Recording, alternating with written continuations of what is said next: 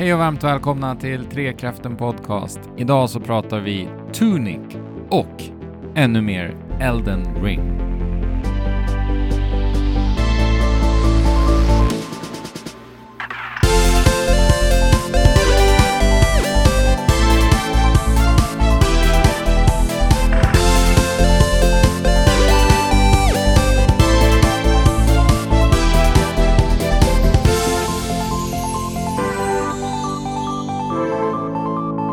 Hej och välkomna till ännu ett avsnitt av Trekraften Podcast.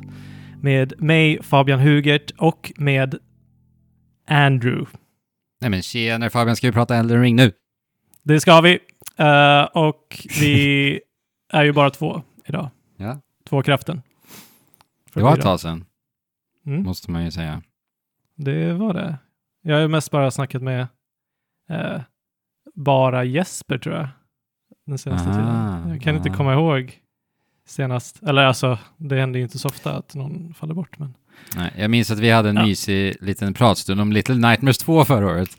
Jajamän! Det var precis det som Mm. ploppade in i mitt minne.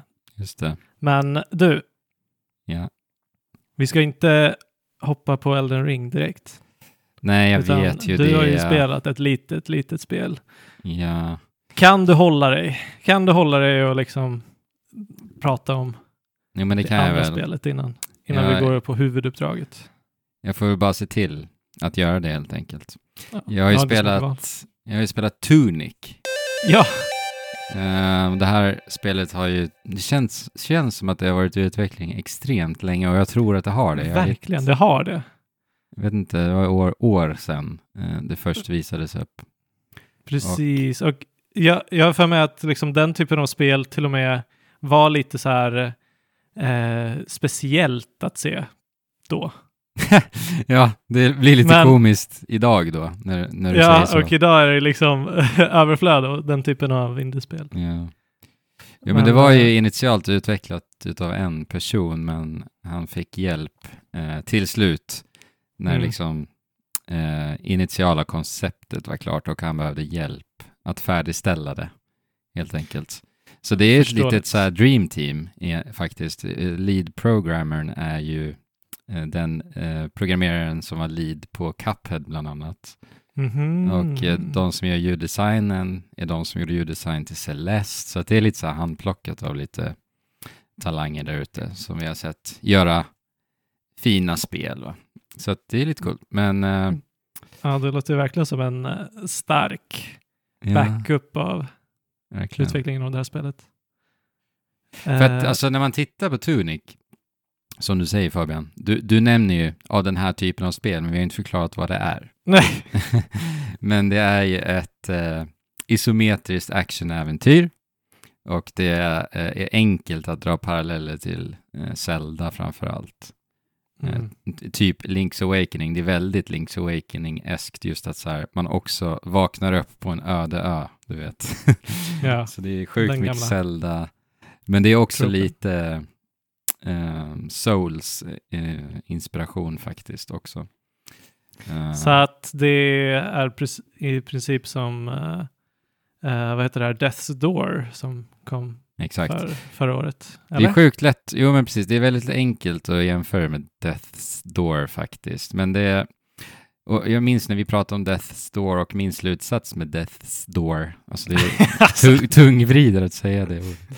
Men eh, det var ju att det spelet är solitt, men det bidrog inte med så mycket till den typen av spel egentligen. nej. Utan ja, du, Nej, hade, du hade spelat spelet tidigare egentligen. Eh, Men fortfarande bra eh, och väl utfört liksom. Men Precis. så eh, Tunic på förhand kändes ju lite åt det hållet också. Att så här, ja, another one of those, som vi har sagt nu åtskilliga gånger.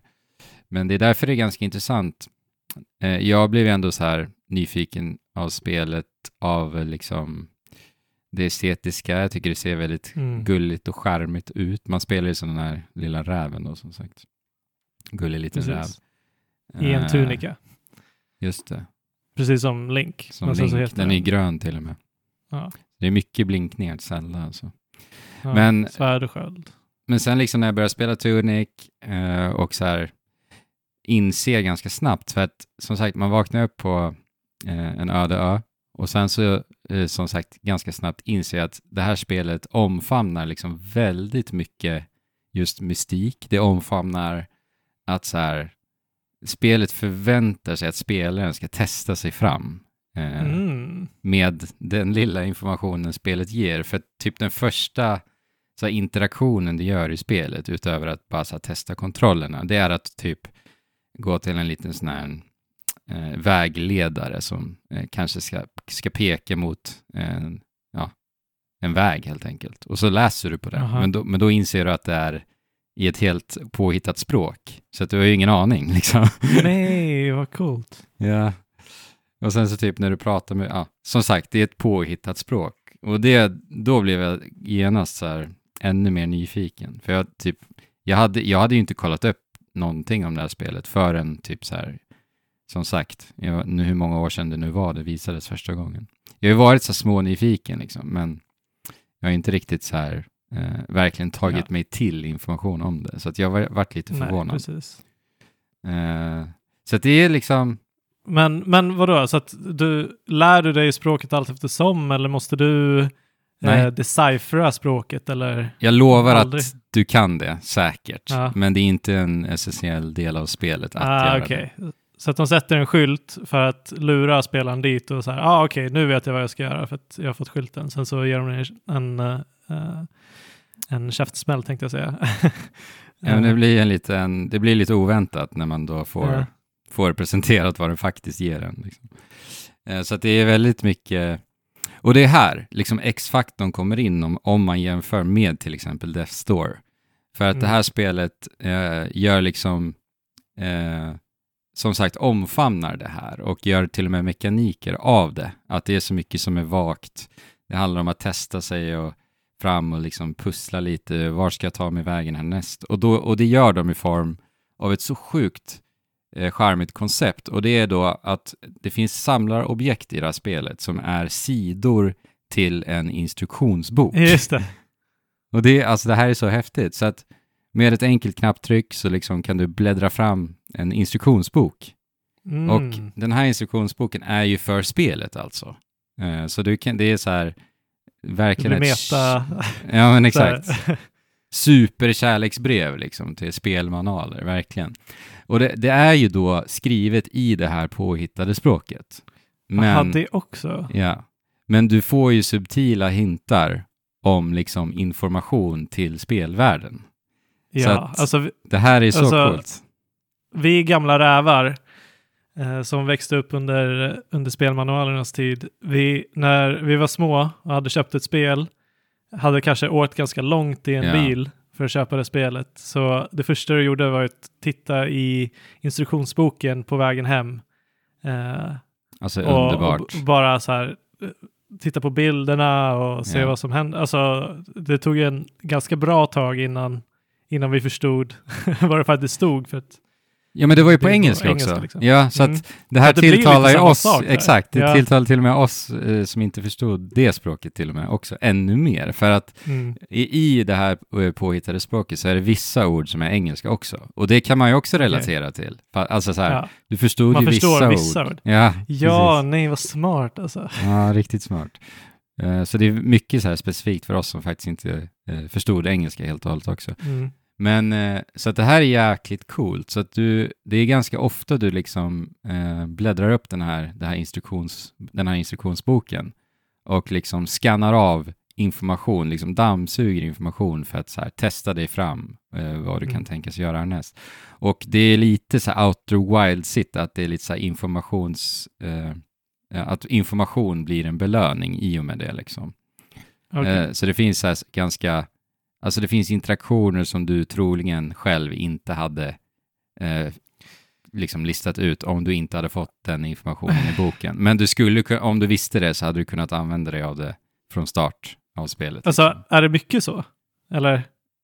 Ja, alltså till längden av spelet så är det ju ändå en, det är ju en central del av spelet, absolut. Så det är, eh, det verkar ju som att det är Zelda-inspirerat, men att det tar liksom det till... De gör en level. mekanik av liksom eh, instruktionsboken. För att, för att så var det ju lite när vi spelade, när vi växte upp och spelade spel också, eftersom att vi inte förstod vad Exakt. karaktärerna sa och så. Ja, Så att det var ju bara så här trial and error att testa sig fram. ja. Verkligen. Alltså det är riktigt snyggt. Jag älskar implementationen också, för det är så charmigt. Och instruktionsboken är så, den är så snygg. Det är liksom kul att titta och eh, liksom dammsuga efter information och så. Ja. Så att progressionen är liksom både det här klassiska Zelda, att du liksom erhåller föremål som så här, ja, enterhake eller whatever. Mm. Eh, men det är också det här lagret då, som just är, det blir den här X-faktorn som gör det här spelet mer unikt än att det bara är, som sagt. Ett, ja, eh, alltså, vi spelar det alltså. ja. ja, det är riktigt coolt. Det är en jädra tidskapsel i känslan ändå.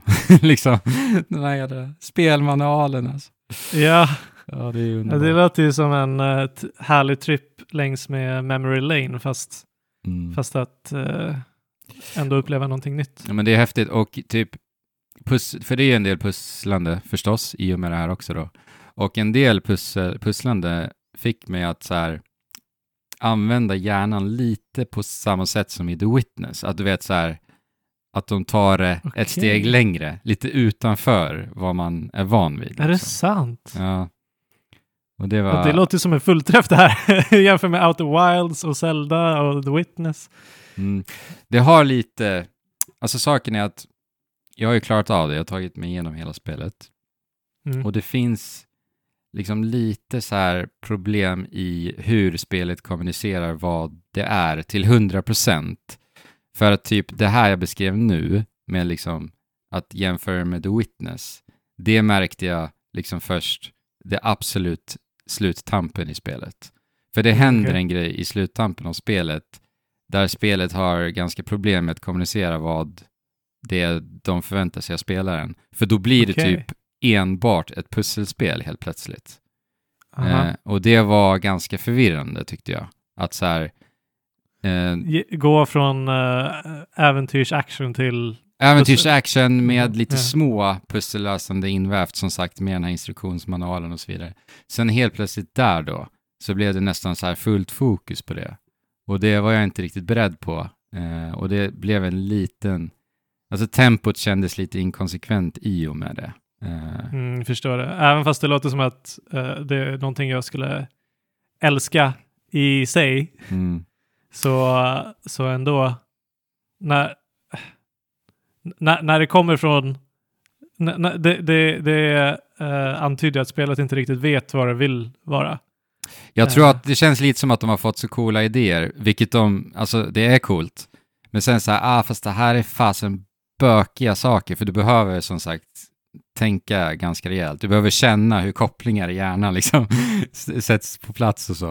Och jag tror att det är lite där, så här, ah men för de som vill gå Mhm. hit, så lämnar vi det i liksom slutet av spelet, för du måste inte, du måste inte ta dig an de här typerna av eh, pusslande. okej. Men spelet, v- alltså det är det här jag menar. Man märker att de vill putta en dit samtidigt som de vill hålla det öppet. Och, ja, det är lite svårt att så här, känna av, eh, eh, minns, det, minns jag väl.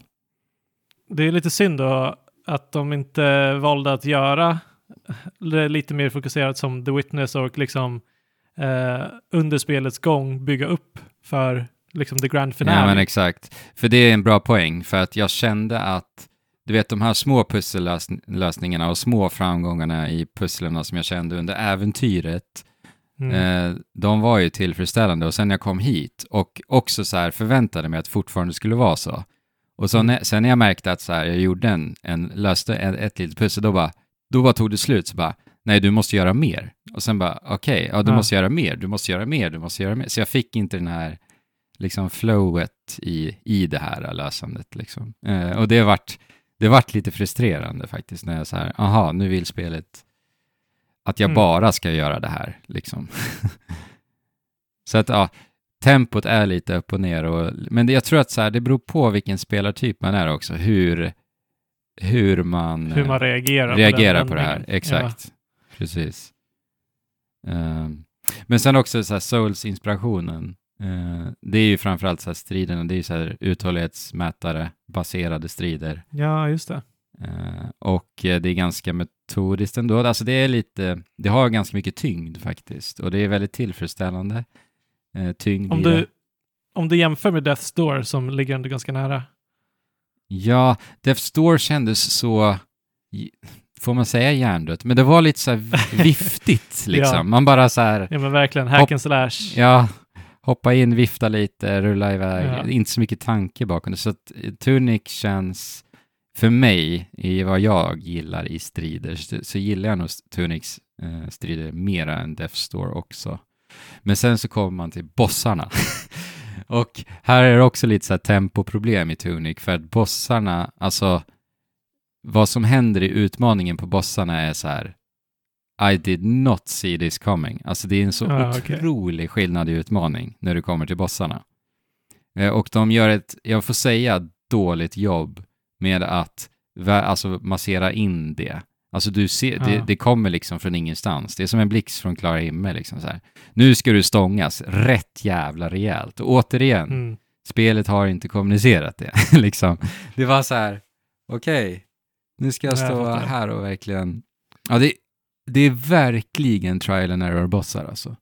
Och det gör att lite så skavanker i stridssystemet uppdagas också i och med det i Tunic. All det är right. liksom inte så eh, liksom responsivt och tight som du kanske... Ja, jag, jag fattar ju att det ändå är ett så här val, liksom. Men jag, eh, Nej, Men, jag ser lite som, ja, som inte riktigt rimmar med mig. Det är lite så här nästan tank-känsla i hur du kontrollerar, kontrollerar räven till exempel. Eh, när du väjar så kan du inte så här justera riktning i rull. Alltså det är mycket så små detaljer som, som bara dyker fram när jag stångas med De- de här bossarna. vi, vi borde ju kunna förvänta oss att de ska anpassa stridssystemet till de Svåraste Utmaningar som de- Ja. som de eh, presenterar. Och typ, du vet så här, någonting jag avskyr i spel generellt med liksom närstrider och, och av den här typen, det är när bossar, och, bossar då, när bossarnas eh, liksom telegraphs för inkommande attacker, när de inte är ty- tillräckligt distinkta. Alltså Nej. när det är så här, typ samma eh, telegraph-rörelse kan utmynnas i en till en eller två eller tre attacker, då blir jag bara så här, nej, Nej, det, här, det här är, bara inte kul. dåligt design. Ja, Det är ju, alltså, och jag Det är upplevde det faktiskt på sist, sista bossen i den här har tyvärr det. Och jag, jag Ja. bara, ugh. Och sista bossen är så sjukt svår. Alltså den är så Hmm. jävla svår. Alltså det är, det är svårare än alla bossar i Elden Ring. Alltså, är det sant? hands down. ja. Ja. Eh, för de som lyssnar, så att när Andrew säger att någonting är jävligt svårt för honom så är det omöjligt. för, Jag var ju sjuk när jag spelade den här bossen i och för sig. Eh, Men ja, riktigt svår alltså. Och, eh, men lite som sagt då, frustrerande också. Så jag vet inte om det var 100 procent. Ja, jag Ja. vet inte. Jag är Ja, lite all over det- the place här. Det låter ju som att det har eh, liksom en väldigt bra grund och väldigt bra idéer att bygga på, men att det har lite pacingproblem och lite eh, Ja. lära in spelare-problem. Verkligen. Eh, det blir exponentiellt hopp i svårighetsgrad istället för linjärt liksom. Ja, de skulle... Men- de- Det finns inte ens minibossar som kanske lär ut eller så här. Men jag vill bara uh, picka din brain lite om äventyret och äventyrskänslan och, och det. För Mm. det, eh, i alla fall vad det kommunicerar till mig är att det är ett äventyrsspel också. Yes. Och liksom hur är världen och Ja, men den är ju, den är riktigt, riktigt bra. Alltså i och med det jag sa inledningsvis, med eh, att det är så spelardrivet allting. Eh, och att spelet håller ju inte det i handen överhuvudtaget egentligen. Och att just eh, hur du använder dig av instruktionsmanualen och så för att ta dig vidare eh, gör det eh, riktigt starkt. Och nivådesignen är överlag riktigt bra. Den har ändå lite, även trots att det är en isometrisk vy så tycker jag ändå att de lyckas bra med den här, liksom, ja, om man ska dra parallellen till från software igen då, men du vet den här tillfredsställelsen av att hur man ser hur saker eh, är ihopkopplat till slut. Liksom. Eh, så att det, de momenten finns faktiskt också i Tunic. Och det är väldigt snyggt ihopkopplat. Eh, men sen är det ju också återigen ett litet så här, problem jag fann i sluttampen av spelet när som sagt vi kommer till det här. Nu ska du lösa pussel så det heter duga. Eh, då är ju också hela världen öppen. Eh, och då börjar jag Mm. inse lite eh, alltså hur det blir så tradigt att ta sig omkring i, en värld som är öppen men som också har linjära vägar för att ta sig till de här ställena som du kan. Ja, det är, det, är- det är jättejobbigt. Det Ja. gjorde Death Store också när man skulle så här endgame gå runt och utforska. Och, Det är fasen inte kul alltså. det är verkligen inte kul. Då, ska, då måste du ha fast travels. Ja, och det, jag tror Har inte... du det ja, alltså vad jag vet så finns det inte det här spelet, men det kanske är någonting i manualen som jag har varit för trög att fatta. Ja. Men det är ändå coolt att, du kan, att det ändå känns så pass djupt att du kan säga så. ja, absolut. Absolut. Men det är coolt Ja. och det är så charmigt som sagt. Manual, alltså manualen är, jag gillar den idén alltså. Det, Men de- är, manualen, är manualen det sättet som spelet kommunicerar till dig eller finns det NPCer runt om i världen som Nej, det är manualen alltså. Det är bara manualen. Ja. Och det charmiga Det- med den är också ja. att det finns eh, alltså ritningar från liksom någon spelare eh, i, i den här Okej. manualen också. Som typ så här, ger hintar med lite pilar och lite så här, ritningar som de har ritat själv. Och, och du vet, så här, i spelmanualer så fanns det alltid en liten sektion där man kunde skriva egna noteringar. Ja, där är det också lite så här hintar om saker.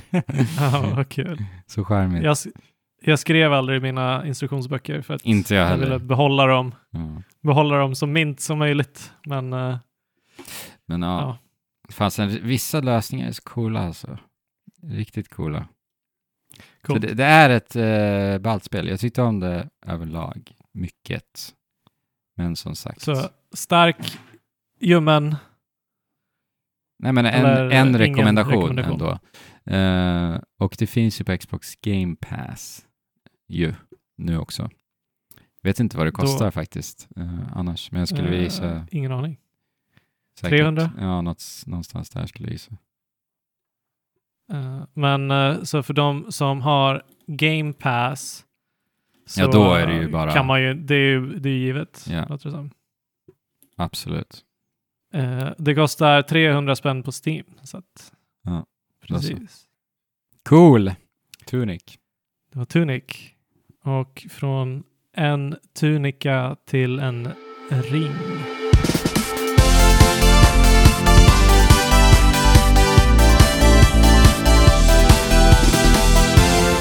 Ännu ett spel som inte håller dig i handen särskilt mycket. Ja, men precis. Jag, jag minns att, det är väl inte så jävla svårt att minnas, det var ju bara några dagar sedan. Men jag eh, la upp en liten bild på vår Instagram där jag skrev att eh, Tunic kanske skulle bli eh, ett litet avvänjande från Elden Ring. Eh, Blev det beroendet, just för att de delar ju ändå lite samma DNA får man ju säga faktiskt, nu när du säger Jo. där att det kanske inte håller en i handen så mycket. Nej men det var ganska bra, får jag väl säga. Absolut. Så att vill du också bli av? Nej, vill man bli av med sitt Elden Ring-beroende Fabian? Alltså, det är den stora jag- frågan. Jag vill, jag vill ju inte det. Mm. jag har spelat i dryga 60 timmar än så länge. Mm. Och det enda jag vill göra och har velat göra sedan releasen är att spela Elden Ring. Det är det enda. Det, det, det är det enda, liksom, du vet, det här begäret som driver dig genom dagen. så här, jag måste bli klar med det jag gör för att jag ska kunna spela Mm. Elden Ring. I feel Och så vidare. Och så har det varit. Ja. Och jag har inte hunnit mer än 60 timmar. Och jag tror inte att jag ens har kommit igenom halva spelet. Nej. Eh, Troligen inte. Men Va- Vart är du då? Liksom, hur utforskar du? Var är du nu? Jag har finkammat um, Lucaria, Ja, alla delar av Lucaria och startområdet som heter som Limgrave. Limgrave. Eh, och just nu är jag i Caelid. Ah, okej. I hate Kalid.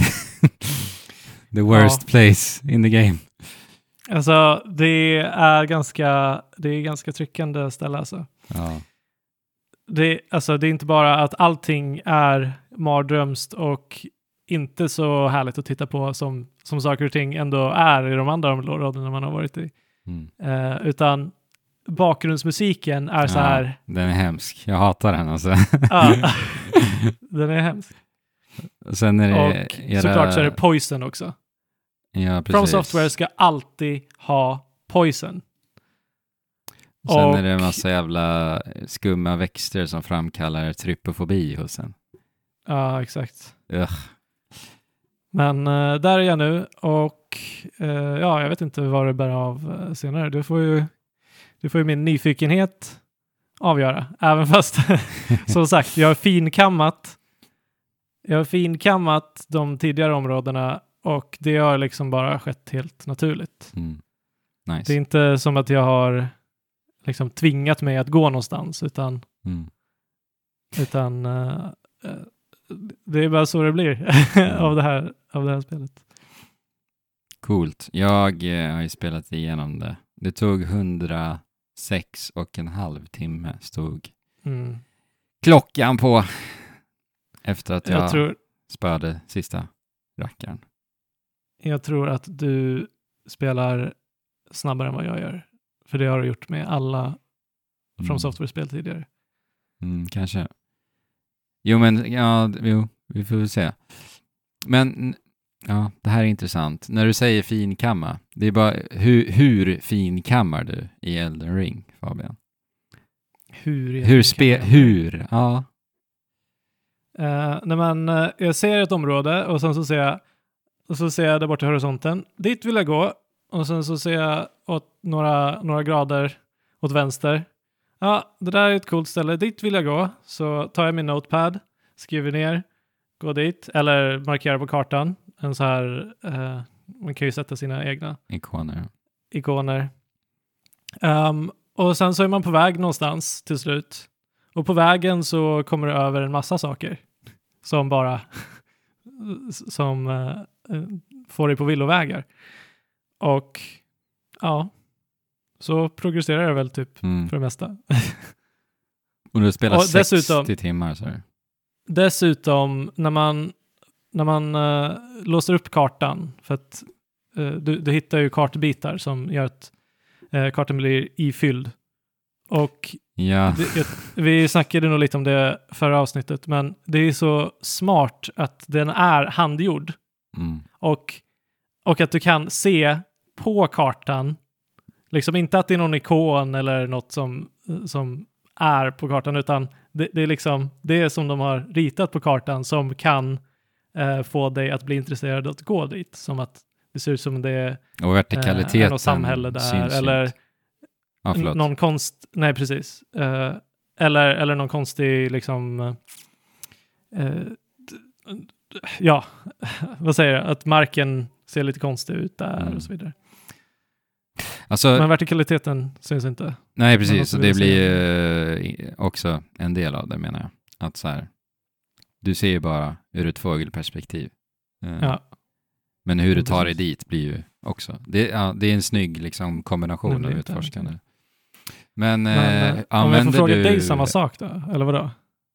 Nej, jag tänkte bara, det var lite kul när vi ändå pratade om kartan. Så här, använder du de här, för man kan ju dels göra, lägga på egna ikoner på kartan, men man kan ju också markera så här, eh, typ ljusstrålar. Ja, ljusstrålar ja. Ja. Har du, använder du dem? Alltså, jag har gjort det några gånger från vantage points för Ja. att se vad det är jag ser. Okej. Ja, just det. Men, men jag har aldrig använt dem för att, Navigera liksom. för att navigera. Nej, inte jag heller faktiskt. Det har bara, alltså, jag har inte känt något behov av det. Då blir det ju ett, ett waypoint-spel. Ja, det är sant. Ja. För Eh, det, jag man, har inte kan ens ju, tänkt de banorna. Men, man kan ju använda kartan faktiskt på det sättet lite. Att du skannar kartan, sen flyttar ut. Eh, för man kan ju ha fem åt gången tror jag. Och sen så kan du ju bara rida emellan de här platserna. Men alltså, men om du inte Alltså- engagerar dig i det så, ja, så gör du ju inte det. Men, alltså, det är det som är grejen. Här väljer du ändå var du, eh, vart du vill Ja. sätta den här markeringen. Det är liksom helt manuellt. Ja. Medan, medan många andra open world-spel bara låt, de, de helt automatiskt leder dig på vägen och, och dessutom på vägen så finns det inte så mycket Nej. att utforska. Medan här i Elden Ring så, uh, så blir du motiverad att Mm. gå till andra ställen. För att Ja. helt plötsligt så bara eh, ser du ett torn där i horisonten som tornar upp sig på ett berg. Och över det tornet så är det en eldgrej som skadar dig. Liksom. Och man bara, what? Mm. What is this? Och alltså Amazing. bara sådana saker, det är helt, alltså det är helt amazing. Hur Mm. de... Alltså, alltså Andrew, Ja. varför gör inte fler spel det här med överraskningar? De berättar inte exakt vad du ska göra. Jag menar, när du får ett quest i valfritt open world-spel så, så är det inte bara att du blir ledd dit och det enda som, som eh, du gör är att följa, följa en ikon, utan i beskrivningen så står det oftast vad det är du har att för, förvänta dig när du väl kommer fram. ja, jag vet. Det är hemskt. Eh, och alltså det jag tycker Elden Ring gör så bra med, med just utforskandet är att eh, de, de stödjer sig på åtminstone tre grundpelare.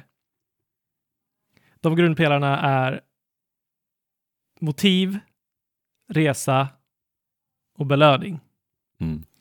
Och Elden Ring gör det så bra. Alltså motivet eh, kan ofta vara att du behöver grinda, du behöver bli starkare. Du har eh, progresserat och du har mött en boss som du absolut inte kan eh, klara av. Men eh, eh, ja, så att, så att då, blir, då säger From Software i det här spelet, istället för i tidigare spel som de brukade säga till dig, get good Mm. or get out, så säger de här, gå ut och utforska, eh, Mm. ta del av världen. När Ja. du stöter på en sån här vägg. Ja, och- precis. Ja, så det är ett motiv att bli starkare. Eh, och dessutom, med de här oväntade sakerna som dyker upp så, så triggar de helt naturligt, i alla fall för mig, en nyfikenhet att jag vill gå, gå dit. Ja. Eller att jag vill, jag vill fullfölja eh, det här äventyret som jag gett mig ut på. Mm. Och i resan, det är just det också, för att du vet du vet aldrig exakt vad det är som väntar kring nästa hörn. Det Nej. finns ju många saker som liksom återupprepar sig som dungeons och så vidare och vissa eh, minibossar återupprepar sig alltid. Men eh, det, det, det, det ger ändå upphov till någon typ av förväntan och spänning. Men har du upplevt det, för det här nämnde jag lite förra avsnittet också, att, att när du ser det som återanvänds, så ibland så använder de det också som en anledning till en överraskning. Alltså just, just Ja. det du säger, att du vet ju inte 100 procent, men du Nej, kanske... exakt. Ja. Ja, men det, det är det som är så smart, Ja. att, att det är inte bara ett bandit camp liksom. Nej, exakt. Eh, Precis. Utan det är alltid någonting, någonting annorlunda. Ja, Och, och det, det leder oss till den tredje pelaren som är belöningen. ja. Eh, all, oftast är det någon vapen eller någon uh, Ash of War som, som är ability som du sätter på ditt vapen.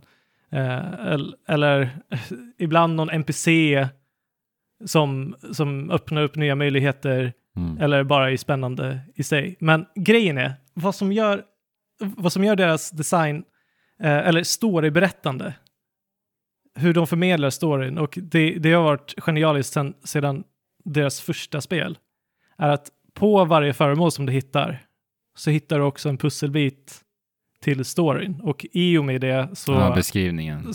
så jag. ja, i beskrivningen, Ja. Eh, jag, jag läser ju på alla, på alla vapenbeskrivningar och en, eller alla föremålsbeskrivningar. Mm. Eh, för de har de här pusselbitarna och alltså b- bara för att jämföra, när de gör det så här, så till exempel i Forbidden West Horizon, eh, tvärtom, så har de textlogs. Mm. Varje textrad jag läst i det här spelet har jag varit mer intresserad och mer engagerad av än varje textlog, än någon textlog jag hittat i Horizon. Liksom. Mm. Så att det är ju, de, de, de släpper ut i en värld med bara liksom minimal information och det enda du lämnas med är en massa frågor. Ja. Och det, ja, det du vet är typ, det finns någonting som heter Elden Ring. Elden Ring har blivit förstörd. Uh, The Shattering. vad, vad betyder det? Ingen aning. Mm. Uh, Mikella, heter hon så? Mikella? Ja, det finns en som heter det. Queen, Queen Mikella. Ja. Ja, Queen Mikella och Godfrey är två stora viktiga personer, typ. Mm. Men sen vet du ingenting mer. Och det blir ju liksom... Storyn i sig blir ju som ett pusselspel för mig. Och det. det ger också den där tillfredsställande... Alltså, när man pusslar ihop saker och ting så ger den där klick tillfredsställande känslan, du vet Mm. som, som liksom, det ger mervärde till vad bara äventyret är i sig. Och dessutom, så liksom, det är så pass, det, det är så pass kryptiskt hela tiden. Så att det är nästan till omöjligt att pussla ihop allting själv. ja. Eh, alltså jag, jag har börjat göra en, eller massa olika mindmaps för att se hur allting hänger ihop och så här. Så fort jag eh, får en så här, ja ah, okej, eh, det där är viktigt att hålla koll på, så skriver jag upp det och försöker koppla ihop det med det som finns. Men som sagt, det är omöjligt att göra själv och det är ju en, eh, jag tror en väldigt stor del av eh, från, från Softwares framgång, att det har Mm. skapat ett community där man diskuterar det här och kommer fram till slutsatser. Och Men- i och med det så ger, ju, så, så ger i alla fall en liten, att vara lite engagerad i storyn och världen Mm. ger mervärde till spelet utanför spelet.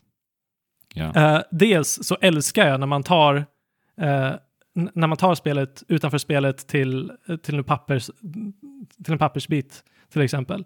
F- för att det känns mer så här, det, det, det känns mer som att jag inte bara är en passiv spelare utan jag blir en aktiv, alltså jag måste tänka aktivt för att förstå vad som händer. Mm. Och dessutom ger mervärde i det att, att eh, läsa på forum eller att följa eh, YouTubers, till exempel den eminenta Vatti Vidya som jag vet att du också har tittat på Yes. med sin Prepare to Die-serie. Eh, och att, att titta på det, där ut, även när du inte spelar så kan du få så här, ah okej, är det så det är? Ja, alltså verkligen. det- Utan hans videos om Bloodborne-historien så hade jag nog inte... Ja, Då hade, jag hade nog inte tyckt om det spelet lika mycket om jag inte hade tittat på hans videos som det liksom. nej precis. Så, Men hur känner du med. Men hur känner du inför lore och story? Liksom, Nej, men jag håller med i stort, uh, gör jag. Och, men jag tycker också det är så fascinerande för just den här mystiken och brödsmulorna i storyn och, och liksom hur de tacklar det. Jag tycker också att det funkar på en makro, eller vad säger jag, mikronivå också Mhm. väldigt, väldigt bra. Just för att i och med att det är så vagt eh, så blir det just det här, du vet, fylla i med sin egna fantasi och typ så här, Precis. när du kommer till, jag vet inte, en boss som, alltså från Softwares mellansekvenser, alltså de är, det, alltså det går så väl in i liksom överlag känslan och tonen och atmosfären med så här extremt sega kamerapanoreringar och hur de zoomar in på, ja, men ja. så till exempel där liksom och hur en boss, eh, boss uppförande ger sig uttryck i en mellansekvens. Alltså det är så mycket som sker Mm. liksom i min hjärna och hur jag eh, liksom sätter den här i kontext till allt annat. Även Ja. på mikronivå menar jag. Så att jag, jag, Jo, men jag fattar. Jag spelar nog deras spel mera på det sättet. Och, Ja. och liksom lite det här du vet att man bygger sin egen resa. Liksom. Jag, jag, jag nördar mig Ja, inte riktigt så liksom som du och så här skriver upp och försöker pussla. Men det är det jag menar att, att det är så snyggt hur de ändå kan ja, liksom fånga in så mycket med att ändå vara vaga. Eh, Ja, men exakt. Alltså, eh, det, det gör ju att världen i sig, eller det, det, kän, det, det gör att du känns som du är en främling i en Exakt. riktig värld. Liksom. Exakt, ja. Just det här uh, avsaknaden av information. ja. Och, Och, det går också så bra in i visionen. Alltså, Verkligen. 100 procent. verkligen, som en open, i en open world. Menar, de har haft det här tidigare också, men Ja. det, det är liksom, De har bara helt och hållet klistrat över det open world Ja. på open world och det funkar hur bra som helst. Och jag förstår vad du menar med det här att det ger liksom N- när, när du möter någon person som liksom sitter och säger att Mm. den vill bli ihopsydd Ja. med spindeln Ja. men att hon inte är riktigt rädd. Liksom. Ja. Det, det, är så makabert och konstigt och liksom Ja. mardröms som, som ger en direkt känsla, som du säger, på mikronivå. Och, och eh, i och med det, alltså alla voice actors i From Mm. Software-spel, de får alldeles för lite cred. Mm. Alltså jag tycker, jag tycker att de allra flesta gör det så bra. De som inte gör det jättebra, jag vet inte om, jag vet inte om det är medvetet, alltså att det ska vara så, eller eh, om det bara är dåligt. Men Mm. om det är dåligt och när det är det, ge- ger bara ännu mer till den här konstiga känslan. Ja, jag förstår vad du menar, absolut. Men, men jag menar, alltså, och hur, hur de väljer att framföra det med liksom fo- fordighet och Mm. eh, vara kryp kryptiska, det gör att varje ord som yttras är mer intressant än liksom en fem minuters cutscene i något Ja. annat spel där de bara ba- babblar på om saker och, och överförklarar saker. Ja men precis. Och det är också så här, för det är ju typ nästan på en poetisk nivå ibland, liksom hur, Ja, de, hur de precis. pratar. Och ibland så för mig blir det ju så här, nu när vi har pratat hur vi tar oss an det här. Ibland Ja. för mig blir det bara så här, jag fattar ingenting. Och sen nästan, Nej. det blir nästan komiskt istället. Men, ja. men som sagt, då kommer ju min fantasi in och det är, det, det är mitt verktyg istället. Och det är fine och det, för mig funkar det jättebra. Liksom. Ja, men det är ju som att du, som sagt, en gång är en främling i världen. Och, och det, det gör att världen känns så mycket expansiv, alltså så mycket mer expansiv. Jag, alltså, jag tror att det är, kan vara någonting eh, japanskt i det. Om du tittar på Mm. Ghiblis, Ja, Studio Ghiblis gamla Absolut. filmer, de, de har ju väldigt mycket eh, subtext, liksom väldigt mycket som är, eh, som är outtalat och de är inte rädda för att folk inte ska förstå exakt vad, vad det är folk menar med saker och ting. För att nej. för de personerna i den världen så skulle de prata så Ja, men precis. lite mer. Eh, och bara för att vi inte kommer från den världen och att vi inte relater- kan relatera med det eh, gör inte att de så här förklarar för någon exakt i detalj Mm. vad en dammsugare är till exempel. Det är, Mm. det är jättekonstigt för en, eh, om, man, om man ska dra en parallell till hur det skulle vara i den här världen. Nej men exakt, men det här tycker jag är väldigt intressant, för jag tror att det här är väldigt så individuellt också, hur man tar sig, hur man tycker om att liksom vara en del av en värld. Alltså för jag kan tänka mig att det finns många liksom spelartyper som är av den typen som förväntar sig och kanske vill ha verktyg till att känna just att man relaterar, att kunna förstå liksom, eh, liksom världens regler och så vidare. Men alltså jag vet ju att både du och jag Fabian, vi älskar ju världsfrämmande saker. Liksom. Ja. alltså det är ju någonting, saker som är lite, ja men som sagt obegripliga, att man bara slungas in i något, alltså som vi har sagt nu. Ja, verkligen. sagt. Så att det är nog lite så här tvådelat ingångspunkten för vilken typ av, ja i det här fallet spelare, men också jag tänker det är samma sak med liksom filmer Men- också och som sagt. Ja, självklart är det det. Men alltså varför, varför pratar vi... Jag, jag, tycker, jag tycker att den här diskussionen eh, inte är värd spel som spelmedie. Mm. Om vi skulle ha samma diskussion om böcker eller filmer om hur man förmedlar en story så, så skulle det inte vara någon fråga om saken. Jag menar, det Nej. finns ingen bok i hela världen som skriver dig på näsan hela tiden och anses vara bra. Nej. Det finns ingen bok, eller det finns en- ingen film. Eller det finns ju kanske väldigt lätt smälta eh, filmer, men eh, samtidigt, jag menar, man, manuset. Mm. Jo. Ja, men det, det är intressant. In, ingen, ingen vill, alltså det är, ing, det är ingen bra känsla du får om det mediet som du konsumerar utgår från att du inte förstår saker. eller ut, utgår från att du inte är kapabel att förstå Nej. saker om du inte får det väldigt, väldigt beskrivet för dig. Ja, men det är det som är så snyggt just med spelmediet, för att just det här med brödsmulorna till att pussla ihop det. Exakt. Alltså det blir... Det går ju in hur Ja. bra som helst, Exakt. om man ser det så. Ja. Och För- även om sakerna inte, och det gör det ju inte i det här fallet, det behöver ju inte vara så här 100% logiskt, men ändå att man Nej. får något grepp. Liksom. Och det behövs Men ju alltså- såklart, men Alltså, jag tror att väldigt mycket är open-ended även i Miyazakis huvud. ja, absolut. Eh, liksom. Ja, Att det inte behöver finnas någon nej, superförklaring till, till allt nej, precis. Uh, och som, som du säger, det, det går verkligen in i spel, spelmediet. Och jag tror att vi sa det någon gång nyligen också, jag vet inte om vi spelade in då, uh, men att men att uh, spel spel många spel idag är liksom uppdelat i en interaktiv del och en filmdel. Ja, Eh, och filmdelen eller, eller de statiska konversationerna är det som bygger upp storyn. Medan Elden Ring använder spelmediet för att på ett positivt sätt bygga storyn. Ja, I precis. spelet, genom att spela spelet. Liksom. Ja. Istället för att bara leverera, istället för att det blir en parallell upplevelse. men jag bara tänker så här, hur spelar du roll, ja, vi, ja, nu när vi pratar eh, stora världar, det är oftast relaterat till liksom rollspel i spel. Mm. Eh, hur, hur bygger du liksom din karaktär? För jag kan tänka mig så här, ingångspunkten bara där, liksom, vem är du i den här världen? Om du bestämmer dig Mm. för att du ska vara Fabian Hugert, liksom, Mm.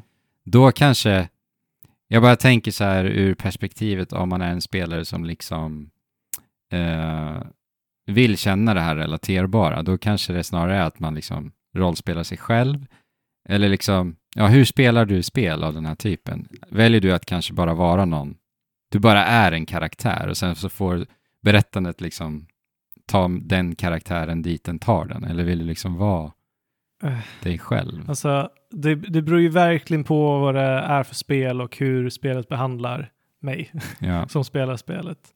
Eh, men eh, jag, jag, av tradition så eh, gör jag oftast en, en kvinnlig karaktär som heter Fabelotta. mm. Sen Monster Hunter 4, eller? Är det där? Sen Monster Hunter 4 måste det Ja. vara. Jag tror det, Ehm. ja, det är nog där jag började med min Aria någonstans också tror jag. Ja. Mm. Men alltså, det, det betyder inte att det är en karaktär som representerar mig Nej, på något sätt. nej exakt. Eh, och alltså, om vi pratar om El- Elden Ring specifikt så tycker jag att de gör det ganska smart att de har klasser, quote on quote. Eh, för det är inte, Ja, alltså, som blir det här ett- spelet har inga klasser. Just Men- det. Till exempel, jag valde Astronomer, Ja, nej, Astrologer.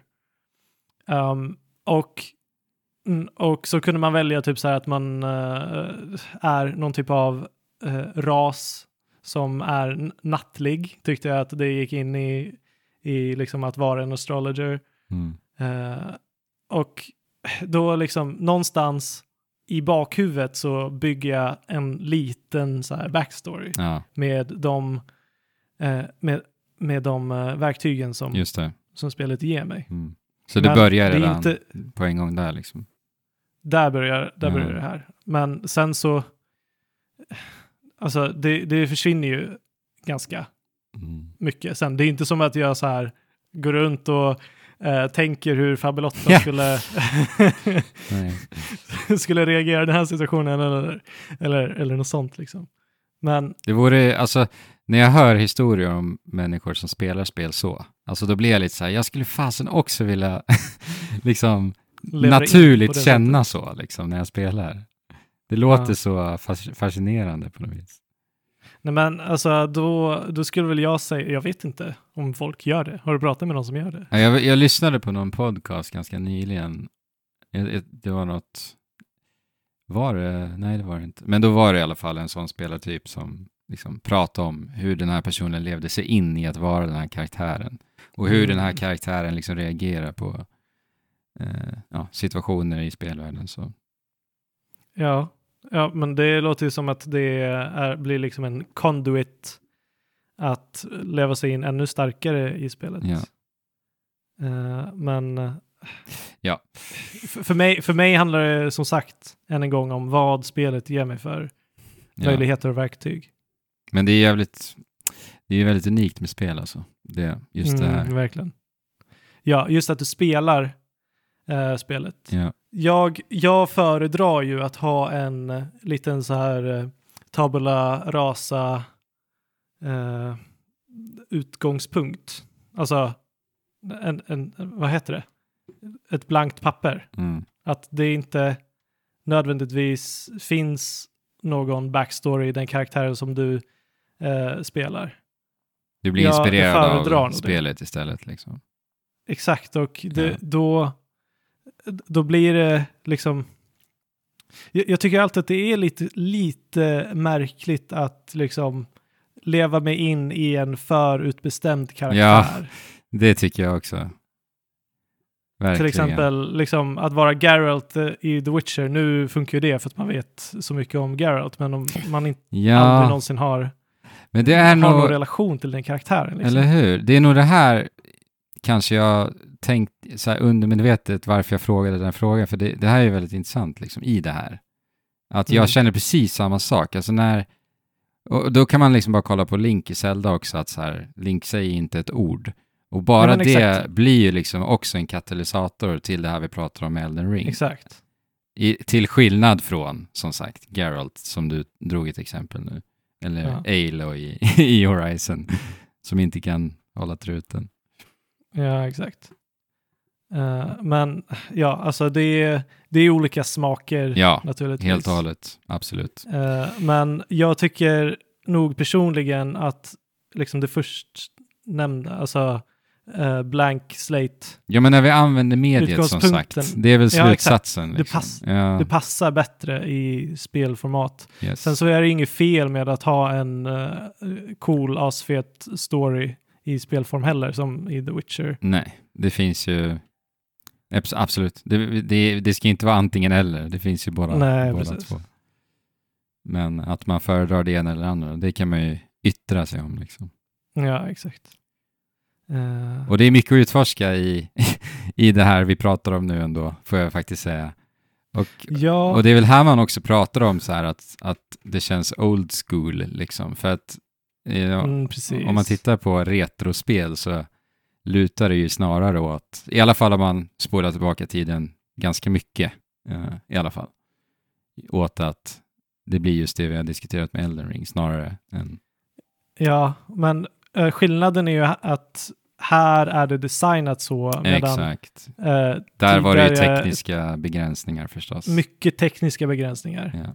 Eh, men också mycket okunskap om Ja. hur man gör spel och eh, Mm.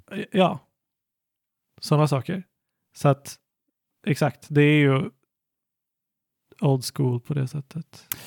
Eller old school inspirerat. Men alltså, Lite som Tunic. ja men exakt. Men jag måste bara säga så när vi ändå pratar om det, jag är fasen trött på babbel och chatterspel alltså. jag, jag insåg typ, ja men när vi ändå nämnde så här mellansekvenserna i Elden Ring och så, och hur, Ja. och hur, eh, och tala med NPCer, hur indragen och liksom uppmärksammad man är i de, i de stunderna. Exakt. Alltså det är sån kontrast. Om Ja, jag, den om, kontrasten är Ja. så stor. Det är verkligen extremt alltså. Och jag bara inser hur så här mellansekvenser, det, det är så många gånger det inte fyller ett syfte mer än att bara vara cinematiskt. Alltså Mm. om det ska, mellansekvenser borde vara ett verktyg till att förstärka någonting i liksom Exakt. det övriga i spelet eller mekaniker som kommer därefter. Eller, ja, du vet, inte så här, men det är ju det, alltså AAA-spel idag är ju så, framförallt västerländska spel, det är just det här att det ska vara så, så fläskigt liksom, spektakulärt och. Hollywood-inspirerat och det, det är där, det är så, det är lite, man blir lite ledsen när man ser hur, eh, hur man glömmer bort vad som gör mediet unikt lite. Och, och det är därför det är så Ja, fantastiskt när liksom, det kommer ett spel som, som Elden Ring, som, som ändå är det här högbudgetspelet, men som, ja, vi kanske pratar i loop här, men Eh, det gör vi säkert. Men eh, eh, dialoger. Så, jag, eh, alltså, jag, jag, jag kanske sa det i förra avsnittet också, men eh, jag, spelat, jag spelade Elden Ring och eh, Horizon lite om lott. mm, Och du vet, de där liksom dialogsekvenserna som, som kan sträcka sig upp i tio minuter Mm. eller något sånt. Det känns bara som waste of time. mm, Och dessutom så blir jag frustrerad varje gång de, de vill överförklara saker och ting. ja, Alltså, 100 procent. Ja. Men ja, låt oss, vi vet det. vi behöver inte älta det något mer. Mm. Ehm, så Men vi coolt. kan väl eh, prata lite om uh, striderna och, så, och sådär Mm. i det här spelet. From Software, de är ganska duktiga på det. Ja. Men alltså Fabian, jag har tänkt på Sekiro. Känns inte det Ja. så jävla gammalt? jag vet inte om det är... Alltså, så jävla gammal. det är väl så här pandemi konsekvensen Ja, och så. För det är ändå bara, det. alltså bara inom situationstecken tre år sedan det spelet släpptes. Det känns, alltså, jag vet inte om det känns så jävla gammalt, men det känns nog äldre än tre år ändå. Ja, jag tycker det. Eh, Och varför nämner jag Sekiro? För att jag, jag tycker att Sekiro ändå har varit eh, piken i From Softwares strider. För att det var ju liksom strider som eh, kändes typ skapta för mig. Just det här med mm. timing-elementen som var en sån central del med deras parry-system. Ja, verkligen. Eh, och jag älskade det innerligt och att det var så reaktivt och timingbaserat och så vidare. Och boss... Lite mer nischat Ja, väldigt mycket så. Och och ett stridssystem där man liksom 100% spelar på liksom From Softwares premisser. det är väldigt Ja, lite precis. utrymme för att eh, gå utanför. Eh, Exakt. eh, Du menar att det är så nischat eh, så att de har designat allting Ja. ut efter eh, den smala, alltså ja, de möjligheter som du har att spela spelet. och jag gillade det. Eh, och utmaningen det Ja. kom med bossarna i Sekiro håller ju jag som några av deras absolut bästa till och med också. Där liksom striderna verkligen fick skina rätt jädra rejält. Eh, så att Ja, det var svårt alltså. Ja, det var bökigt. Verkligen. Men striderna i Elden Ring, alltså i och med att det här är ju mer ett rollspel. Det är absolut inte nischat på det sättet, som sagt. Det här är ju ett rollspel, vilket betyder att karaktärsbygge är en extremt central del. Och alla system i karaktärsbygget går ju 100% in i att strida. Och eh, som i deras tidigare Souls-spel då, eh, som också är just action-rollspel, så finns det ju så Exakt. sjukt mycket utrymme eh, att bara så här skräddarsy sin karaktär. Eh, och det är ju så här Ja. magier, alla, alltså ofantliga mängder magi i det här spelet. Ja, verkligen. Och så många coola, alltså jag hade kanske inte förväntat mig att det skulle vara så många coola magier. Eh, för att i alla fall min uppfattning av From Softwares tidigare magiimplementationer att ja, det finns några liksom eh, coola och kraftfulla eh, magier, men det, de är ganska svårtillgängliga och eh, Det kändes så bökigt. det finns inte så många. Minns jag. Ja, att använda magi över, Ja. överhuvudtaget. Det var väldigt inte här- inbjudande. Man kände sig inte välkommen till magivärlden i de tidigare spelen. Nej, eller snarare man var tvungen att committa för Ja. det. Liksom fullt ut. Ja. Jo, för Men det är... här- Ja, förlåt. Kör. Här hittar vi magier som liksom framkallar meteorer från, från rymden och slungar på, på dina fiender. Och, Mm. eh, kometer som du skickar ifrån och eld som sprutar ur dina ögon. Och, eh, Och sen har vi vapenklasser, Sjukt. Fabian.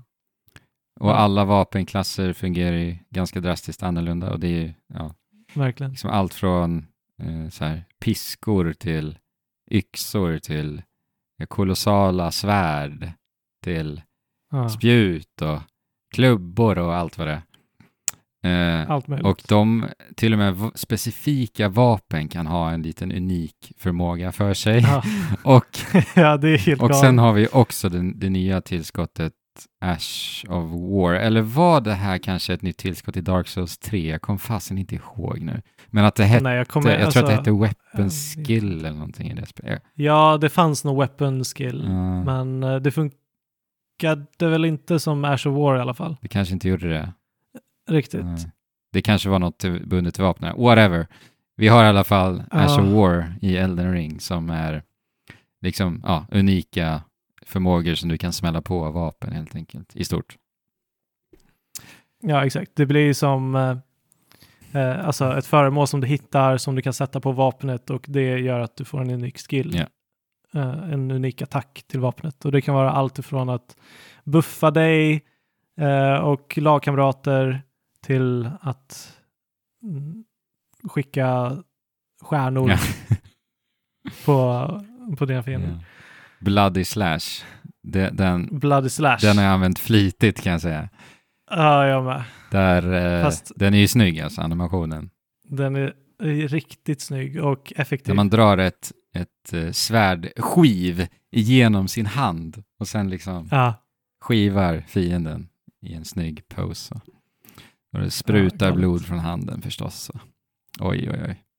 ja, och från svärdet och från fienden Ja. och blod överallt. Och, ja, den är mäktig. Nej men så att det finns ju, vi har säkert glömt någonting här också, för det är så jäkla mycket hur man kan skräddarsy sig sin karaktär. här. Men det, det är så sjukt mycket frihet och det har ändå varit kul Mm. att latcha med just karaktärsbygget. För jag tycker, så, lite som vi var inne på innan här, att jag tycker att Elden Ring gör ett sjukligt mycket bättre jobb än tidigare Souls-spel att eh, tillåtas att bara latcha lite. För det blir ju lite så här, som du säger, att magierna är så jävla sjuka och vissa Ash of War är extremt spektakulära, spektakulära så det blir lite så här lekfullt att bara latcha. Ja. Eh, och det är enkelt att liksom, om man vill respekka sin karaktär, det, det är inte svårare än att gå till en liten NPC och säga hej, nu vill jag testa precis. något nytt liksom. Jag vill, jag vill bli på nytt ja, precis. Eh, vilket jag uppskattar väldigt mycket. Jag eh, res- ju fem gånger genom min... Oj, Ja, testade lite olika. vad galet. Så att det var skoj. Eh, Allt från en eh, blood build till att jag testade den här Moon, Moonveil katanan ett tag som är helt jävla galen. Den kör jag med nu. Jag hittade den ganska nyligen. Ja, den är, den är rolig, men så in i Norden bra så att det nästan, ja, vi kommer in på den snart tror jag. Eller sen. Mm. Men eh, ja, så att det har varit jäkligt skoj faktiskt, eh, att bara leka lite. Och här går ju lite så öppna världen in ganska snyggt också ändå tycker jag. Eh, I just latchandet. Att det känns lite, i och med att det inte är så, liksom utmaningen är så regisserad, så känns det lite mer latchigt. Och lite, Ja, lite mer uppmuntra nästan till att bara leka runt lite.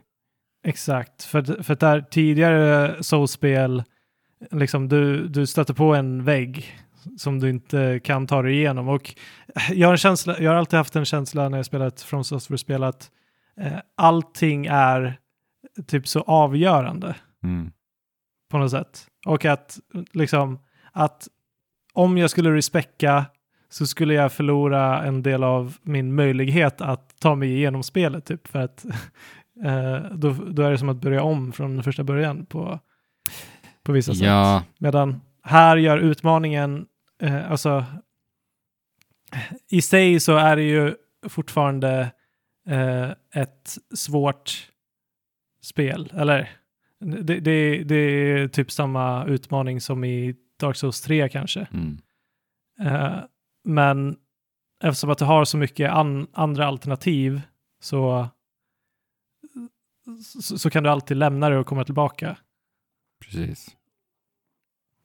Men vad eh, spelar du för Hur har du byggt din karaktär, Fabian? Jag kör en Dex int-bild. Nice. Så att jag är magiker som slåss med svärd. Just det. Moonveil Katana. Yes. nice. Men vad tycker du om striderna då? Liksom, the feel. How does it feel? Alltså, de har ju använt all den kunskapen som de har erhållit när de har eh, gjort tidigare Dark Souls-spel. Mm. Eh, alltså striderna i, i sig känns så solida så... De, de som- känns typ självklara, tycker jag lite. Det är Ja. så här, ja, it's all good, liksom. Men sen är det ju liksom samtidigt, speciellt med magi, ofta, ofta så går det att kisa dig igenom många utmaningar och så vidare. Men det är ju en del av, det är en del av Dark Souls fortfarande. ja. Att ibland så, ibland så funkar bara inte AI. Nej, exakt. Det är lite eller så charmigt. fastnar den i någon geometri eller så här.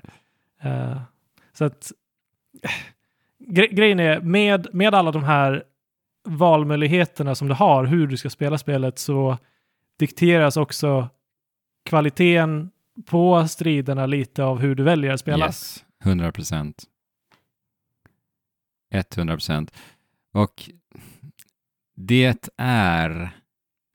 Det är nog här jag, just i det här som jag kanske har stridit mest med, med Elden Ring. För det här går lite in i liksom, alltså mina, mina, vad ska man säga, slutgiltiga åsikter om så här, paketeringen. För det går lite in i den öppna världen, tycker jag. Att så här, som sagt, Mhm. att friheten eh, med den öppna världen eh, och så här, hur de balanserar utmaningsnivån och så vidare. Och med den här robusta karaktärsbygget så, så Mm. ins, eller, inser, men att jag eh, till slut får liksom ett kvitto på hur eh, balans, balansen kanske inte tillfredsställer mig så som jag förväntar mig av ett From Software-spel, om man säger så då. Alltså att för mig blev framför allt sluttampen då, kanske de sista eh, 30 timmarna kanske, så Aha. fanns typ inte en utmaning alltså för mig, utan Nej. då var det bara så här, eh, gå in i ett bossrum, vifta lite, han inte ens få liksom bossens personlighet presenterad för mig. Eh, och sen så var bossen död. Och det blir så ja, då är det ju. OP. Ja, och jag blir lite ledsen liksom. Eh, för att bossar är ju en ganska stor del av just strider och från software-spel.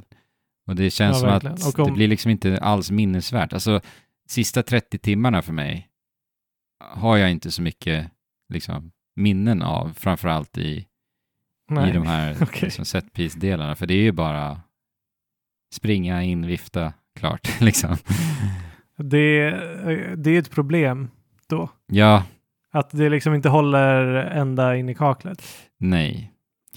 Och alltså så här, det, jag, vet, jag är lite splittrad här faktiskt i när man, framförallt sluttampen som sagt då.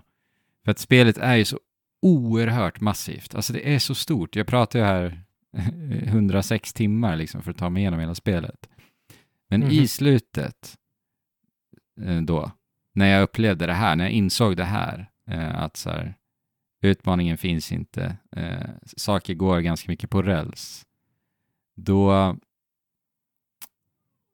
då blev jag liksom besviken på spelet, men samtidigt så var det ändå, det fanns ju ändå en drivkraft i att liksom bara ta mig igenom det. Och i och med att det är så massivt så var det också lite så här, jag får ändå säga en viss mättnadskänsla, liksom. Mm. Och att jag har en, en, ett verktyg att ta mig igenom det snabbt i och med att jag är så jävla kraftfull. Så, så märkte jag hur jag liksom lutade åt det undermedvetet ändå. Även fast jag själv kanske ville ha äh, stångas lite på till exempel bossar. Men det var så lätt att falla in i att så här, ja men jag vill ju bli klar med spelet. Alltså Mm. det, ja, samtidigt så var det ju njutbart, samtidigt så hade jag de här känslorna. Så att, ja, jag vet inte. det är någonting med balansen och eh, hur omfattande spelet är. Det är någonting där som liksom eh, Ja, gnager mig lite. Alltså, du, du har ju också fin kammat typ extremt. alla områden, yes, eller? Extremt. Så, så att alltså, det är ju inte konstigt att du är överlevlad. Men med tanke på att de har ändå designat spelet så som de har gjort och uppenbarligen för spelare som oss så har de verkligen träffat mitt i prick. och kanske, kanske har designat lite för väl för spelare som Precis, för att jag vill ju ändå gör- liksom Ja, utforska För att, varenda ja. vinkel och vrå liksom. och då är det inte konstigt att du är överlevlad Ja, när du kommer till slutet. precis. Så att alltså, det kanske de borde ha tänkt på att om du är vid en viss level när du kommer till en eh, viss grace, bonfire, så, så kanske du blir mött med en utmaning. Mm. Och om du klarar den utmaningen, och du måste klara den utmaningen, det kanske kan vara någon så här testboss, så kommer eh, allting framför att bli svårare Mm. än vad det Ja. skulle vara. I, alltså att det blir typ New Game Plus eller, eller att du helt enkelt... Någon adaptiv skalning av något slag. Kanske. Men ja, jag vet inte. Ja, men alltså jag, jag har... Jag får en känsla, det kanske funkar med adaptiv skalning men Jag vet inte en heller. dålig känsla Ja, det. för att det har gjorts dåligt typ 100% av alla gånger vi har sett det i spel. Ja. Ja. Jo, jag vet. Men det, Men- det är någonting. From, Jag tror att man kan hitta någonting här. Hur man skulle lösa det.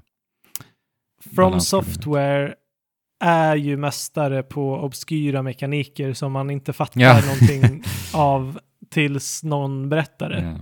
Så det är ju klart att de skulle, skulle kunna göra, alltså i, i Demon Souls hade vi Darkness eller vad det är. World Ja. Tendency-grejen. World Tendency, Mm. eh, typ.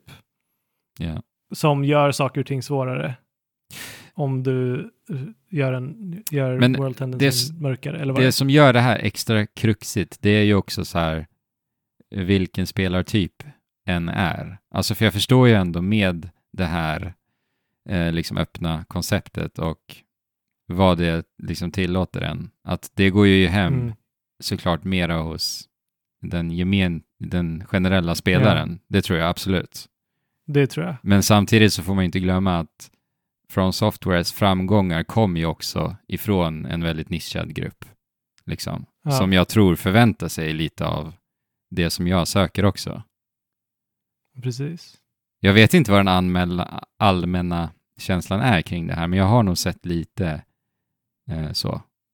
När jag liksom hängt på internets. Att det är lite just mm, problem i balansen.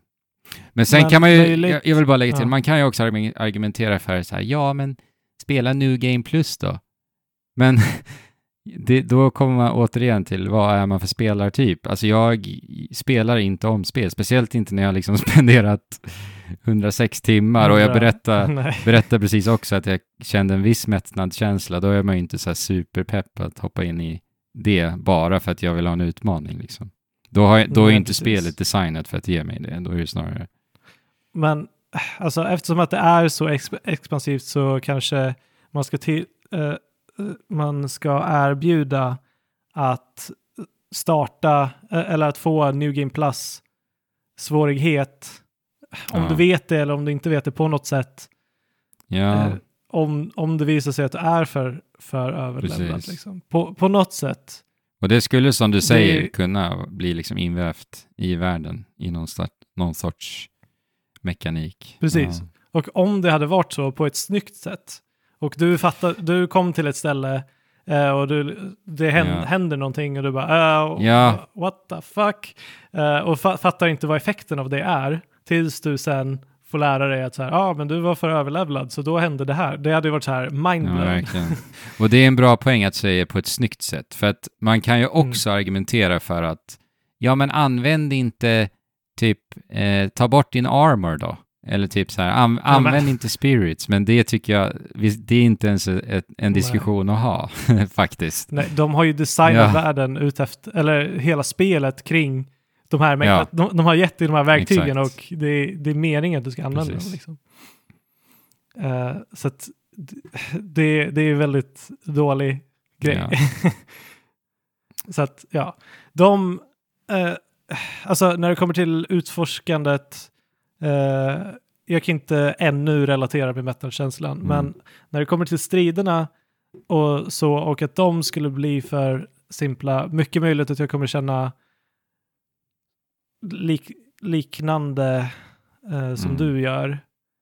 Men eh, för mig så har det här spelet framför allt där där liksom den största behållningen i tidigare från Software-spel har eh, varit bossar och utmaning och den här tryckande känslan. Så har de pivotat lite här i Elden Ring för mig. Mm, Att den största behållningen ändå är världsbygget och Ja. utforskandet. absolut. Eh, snarare än, än striderna. Ja, och som sagt, striderna är mer lek för mig i Elden Ring nu. Alltså just Aha, så här, ja, latcha med karaktärsbygge och bara lite ploja. Så. Det är inte så här, och det är lite, det är väl lite det jag också kanske tycker är lite synd i och med det här. Jag känner inte riktigt, du vet, den här progressionen hos mig som vi vurmar för så mycket i den här podden. med varför vi älskar Monster Nej, Hunter så precis. mycket bland annat. Nej, Jag tycker att den försvinner ju lite tyvärr också i och med det här. Att man, den gör det. ja, Men det, är ju också, det har ju också att göra med att vi har spelat den här typen av spel Ja. i fyra uppsättningar tidigare. Eh, Och jo, men just att anledningen till att det, det är någonting som jag uppmärksammar är ju för att det är från software som är utvecklaren och jag, jag förväntar mig nog det. Och det är nog där lite ja. en viss typ av besvikelse kommer in ändå. Eh, framförallt som sagt i slutdelen av spelet. Ja, nej. eh, Men vi får väl se. Jag förstår. Ja, hur, hur, jag förstår. Men alltså, jag, jag, ser ju verk, jag ser ju verkligen att Elden Ring är liksom Dark Souls svanesång. Ja, Det, här är, det här är en hommage till de spelen som gjorde From Software så stora. Mm. Eh, och de har bara använt allt. Alltså, eh, inte, inte bara kunskap utan en massa assets och grejer för att kunna göra Ja. den här Massiva världen. expansiva Mm. världen. Absolut. Eh, och, och jag menar, nog bättre avslut. Jag har inte spelat klart spelet, men de här 60 timmarna är bland de starkaste spelupplevelserna jag har haft. Så att Ja. alltså, vilken, vilket avslut på ändå en revolutionerande spelserie Mm. som började för, eh, ja, var över tio år sedan nu. Ja. Nej, men eh, det är nog min slutsats ändå också, trots det här, att det som har varit så oerhört fantastiskt med spelet, det väger ju bra mycket tyngre, eh, absolut. Och som sagt, det är också så här, när man pratar om, för att det här spelet är så ofantligt jädra solitt så det är larvigt.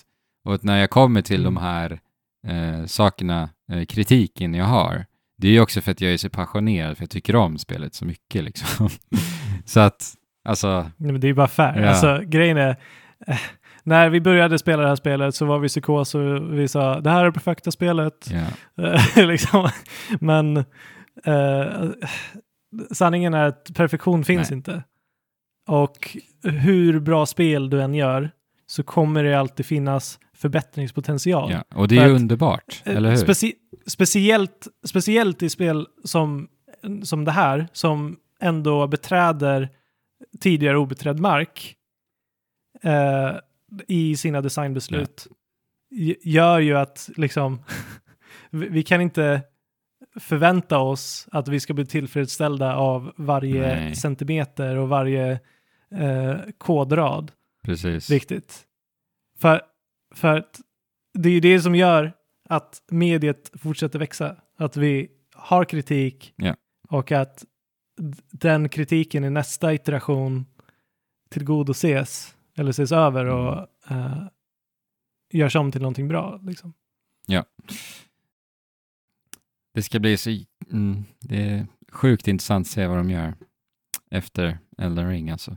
Jag tänker lite Ja, på alltså- så här, framgångarna nu, liksom att det har sålt Ja. som oerhört ofantligt bra. Och, men Så det är det här som jag, Bra betyg också. jag älskar från software så mycket. För att det, det enkla att säga är ju så här, ja men Elden ring 2. Men om det är någon Nej. studio i spelbranschen där man inte har någon jädra aning så är det ju från software. Det skulle lika gärna kunna vara Ja, någonting helt annat och det är ju underbart att tänka sig det. Ja. Så att, ja. Precis. De, de inkorporerar sin, eh,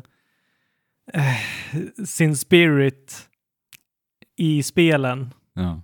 Som, som Du vet, studio och, också. Alltså de, de har samma, som, som studio. Ja. mm. Eh, men jag, jag vill bara säga att jag, jag blir nästan lite så här eh, rörd när vi pratar om ändå eposet som är Dark Souls. Ja. och hur revolutionerande det ändå var. Ja. Alltså, vi, ba, bara den här grejen att det, det var en sån här, det var en sån, sådan bubblare. Mm. Du vet, det kom ut, eh, det såg skit ut, det verkade spela som skit, man fattade ingenting. Och sen så bara florerar det till, Och det till komiska... ett av staplarna Ja. I våran moderna spelhistoria. Liksom. Och det som är så komiskt är att det också, jag tror i alla fall var Dark Souls. För det är väl ändå där man får räkna som, det var då det hände egentligen. Word, word Alltså, of Demon mouth började. började. ju med Demon Souls. Men Ja, där precis. det faktiskt exploderade så att säga. Ja, precis. Det har ju varit gra- gradual, Ja, gradvis. Men det komiska är ju att det var ju i en tid där vi hade liksom Wien lanserades med liksom familjefokus eh, och där Ja. Sony också liksom härmade Wii med sin, eh, vad heter det, Move? Ja. Heter det, va? Det var så tråkigt, tråkig period. Ja. Och så kom. Mycket, mycket, så här, mycket ny grafik som gjorde att man kunde göra mer filmlika Exakt, spel. det var den Och det blev- handhållande Ja. eran liksom trädde in egentligen. ja, Ja, verkligen. Och de, de kom dit och bara bröt allt vad heter liksom normer Mm. i spelutvecklare. det slutar ju, Ligan. Det slutar ju aldrig vara Ja. uppfriskande att spela deras spel. Jag tycker det är lite fascinerande för att de är ju byggda på samma, med samma grund. Och så här utifrån verkligen. om man inte är eh, en From Software, om man inte har spelat From Software-spel så tror jag att det är enkelt att titta på dem och säga ja men det är ju bara ännu en sån liksom. Ja, men- precis. Det är anledningen till att de som tycker om From Software-spel så mycket är, är ju av anledningen, ja, som vi har pratat om, att det är, de ger oss spel som branschen inte ger oss, helt enkelt. Exakt. Och det är inte, det är inte svårare än så, det är därför, även om de Nej. kanske, som sagt, är byggda på samma sätt så är det ändå alltid ett event Men det är så-. Det är ju som Monster Hunter. Exakt, ja. Monster Hunter har ju inte utvecklat eh, sin grundmekanik på väldigt många år, men det är ju fortfarande eh, att de har hittat en formula som ingen annan ger Ja. oss och som är väldigt tillfredsställande och som är ro- robust och Precis. bara är så jävla, jävla bra. Ja. Eh, men med det sagt så, alltså Elden Ring, som du, som du sa, det har sålt sjukt bra. Mm. Eh, och fått galet höga betyg. Det är tior överallt. Underbart. Liksom av man blir så glad när man ser det. Alltså. Ja, ja alltså det är, det är nästan så att man får lite gråt i halsen. Ja. Men samtidigt så liksom kan det i alla fall, likt tidigare från software-spel, så kan det verka som att Elden Ring inte är för alla. Mm. För att, för att det har... Det, det spelar ju på sina egna premisser. Ändå, precis som de alltid gör. Ja. Eh, Men jag tycker mig ändå ha sett, alltså jag har lite några kompisar och jag har sett på eh, forum och eh, hört och att folk börjar spela det här spelet och tänker så här, okej, eh, vad ska jag göra? Ja. det- här känns inte alls så bra som alla tior som Ja. prydde boxen liksom. Men ändå, det här kanske är min confirmation bias. Så- som, som, som talar. Men ändå att eh, många eh, verkar komma över den där tröskeln och faktiskt bli Mm. fast i Elden Ring. Ja, det är nog min känsla också, men jag vet inte i det stora egentligen. Nej, det, det vet vi inte. Men eh, eh, det, det är ju likt från Software också ibland onödigt obskyrt och Mm. krångligt. Jag tror, eh, någonting jag sett på forum mycket är att folk förväntade sig att det skulle vara mer multiplayer-fokus. Ja, okej. Okej. Eh, och multiplayern här är ju inte smidig. Nej. Det, det funkar i princip exakt så som det har funkat tidigare, bara det att de har eh, helt och hållet klistrat över det i en open world-kontext. Right. Vilket jag inte tycker är... Jag har inte spelat så mycket online, men då jag har spelat online, jag förstår vad... Att, alltså, det, det är en rimlig kritik att ge det här spelet. För det, det är verkligen bara så här segmenterat. Mm.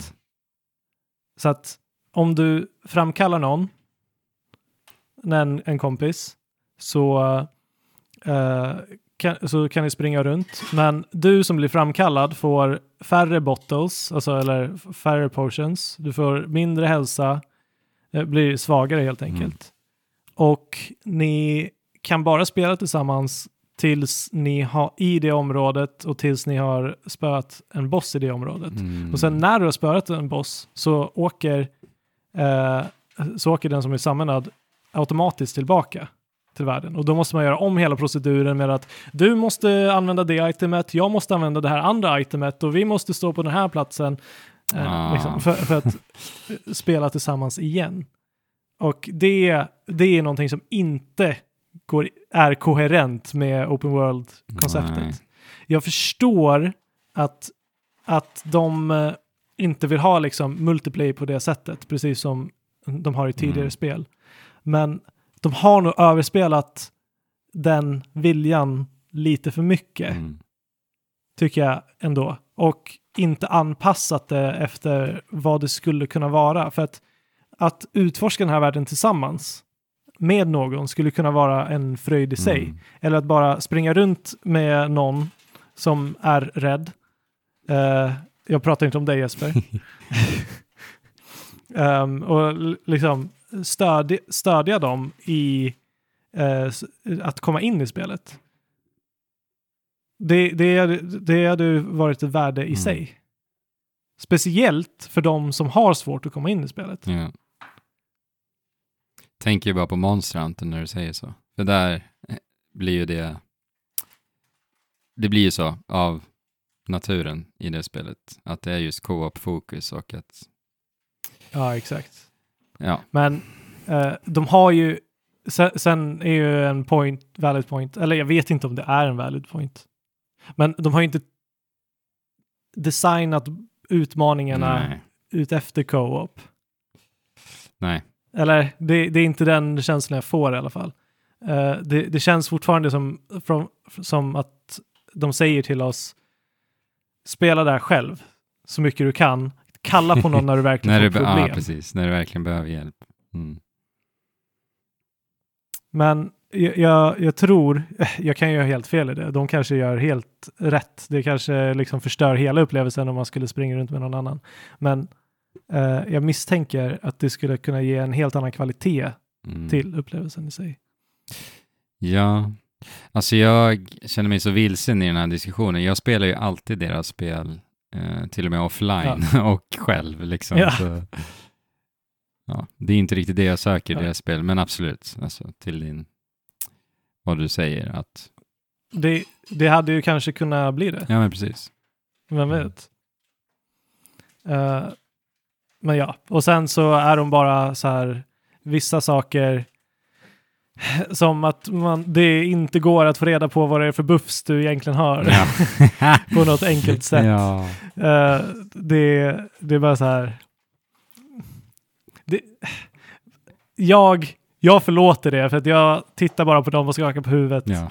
Eh, liksom för att det är lite kul. Men, jag, så, jag, Men det är också onödigt. men har du sett det här som har blossat, blossat upp på Twitter typ första veckan där någonstans? Att det var Vilket typ då? UX-designers och typ så här Quest-designers på... Alltså det är helt o... Ja, men, Ja, men- ja, det det är helt obegripligt, men förklara. Nej, men det är från eh, stora spelstudios eh, som, ja.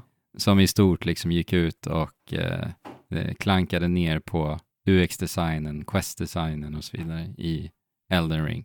Det var, och så här tonen och sättet de gör det på kändes, det kändes så barnsligt.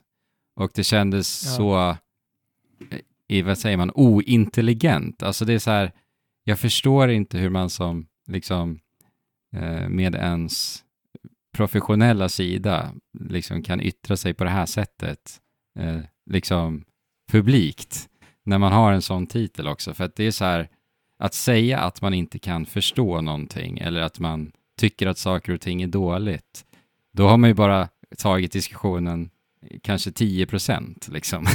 alltså, Ja, det, är väl, precis. det är väl snarare intressant att så här, se Ja, men varför tas det här emot av 12 miljoner spelare som har köpt det här spelet? Liksom? Och alltså, för det är ju så uppenbart att From Software, det är väl självklart att UX är svinviktigt för From Software. Det är ju självklart att Ja. Quest Design är precis lika viktigt för dem. Skillnaden är ju bara att de ser det från andra perspektiv. De har en annan filosofi kring hur de tacklar de här Verkligen. sakerna. Och det, jag jag blir bara så här, det är så sorgligt. Man blir ledsen av att se det liksom bara. Varför inte Ja, men, skapa en diskussion kring det istället för att bara så här, det här är skit liksom. ja, men speciellt när det kommer från eh, spel som... Horizon bland annat, det är väl Guerrilla Games exakt. och Alltså, Ubisoft var det tror jag. Om jag minns rätt. Det, det är som att de har inställningen att vi vet Exakt, hur man gör spel. menar. Det är det jag menar. Vi Exakt. vet hur man gör Ja. spel. Och de här som inte gör så som vi gör, jag menar, man fattar ju ingenting. Ja. Och sen så ser de inte att det finns något värde i hur de väljer att framställa sitt spel. Mm. Liksom. Och jag menar, Eh, innovation och- kommer ju från att liksom try, Utforska Utforska, exakt, och testa. Ja. så det, det känns så insnöat och bara så här. Ja, verkligen. Verkligen instöt. Och jag tror, alltså, min fördom är ju att de är eh, avundsjuka. ja. Ja men det är lite det på Att tonen de ser-. Mm. Ja, det, känns så. Så liksom, det här har fått... Eh, det är klart, de har jobbat arslet av sig på sina spel eh, som blir väl mottagna. Men så kommer det här spelet som de tycker i deras bok Mm. Gör fel, men som egentligen bara gör saker annorlunda. Eh, så, och det spelet får också bättre kritik Precis. än vad de spelen som de har jobbat arslet av sig. Så Mm. det är klart att det, det finns lite bitterhet i, i det Ja. som, som jag kan se. Men som sagt, oprofessionellt och barnsligt att uttrycka Ja. sig.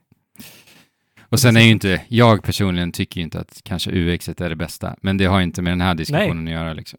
Det var bara jävligt. Eh, men alltså grejen är med From Software, om det är medvetet eller omedvetet från första början så är mycket eh, UX-element som andra spel har, alltså user experience, eh, som andra spel har, som From Software-spel inte har, har blivit en feature i sig. Precis.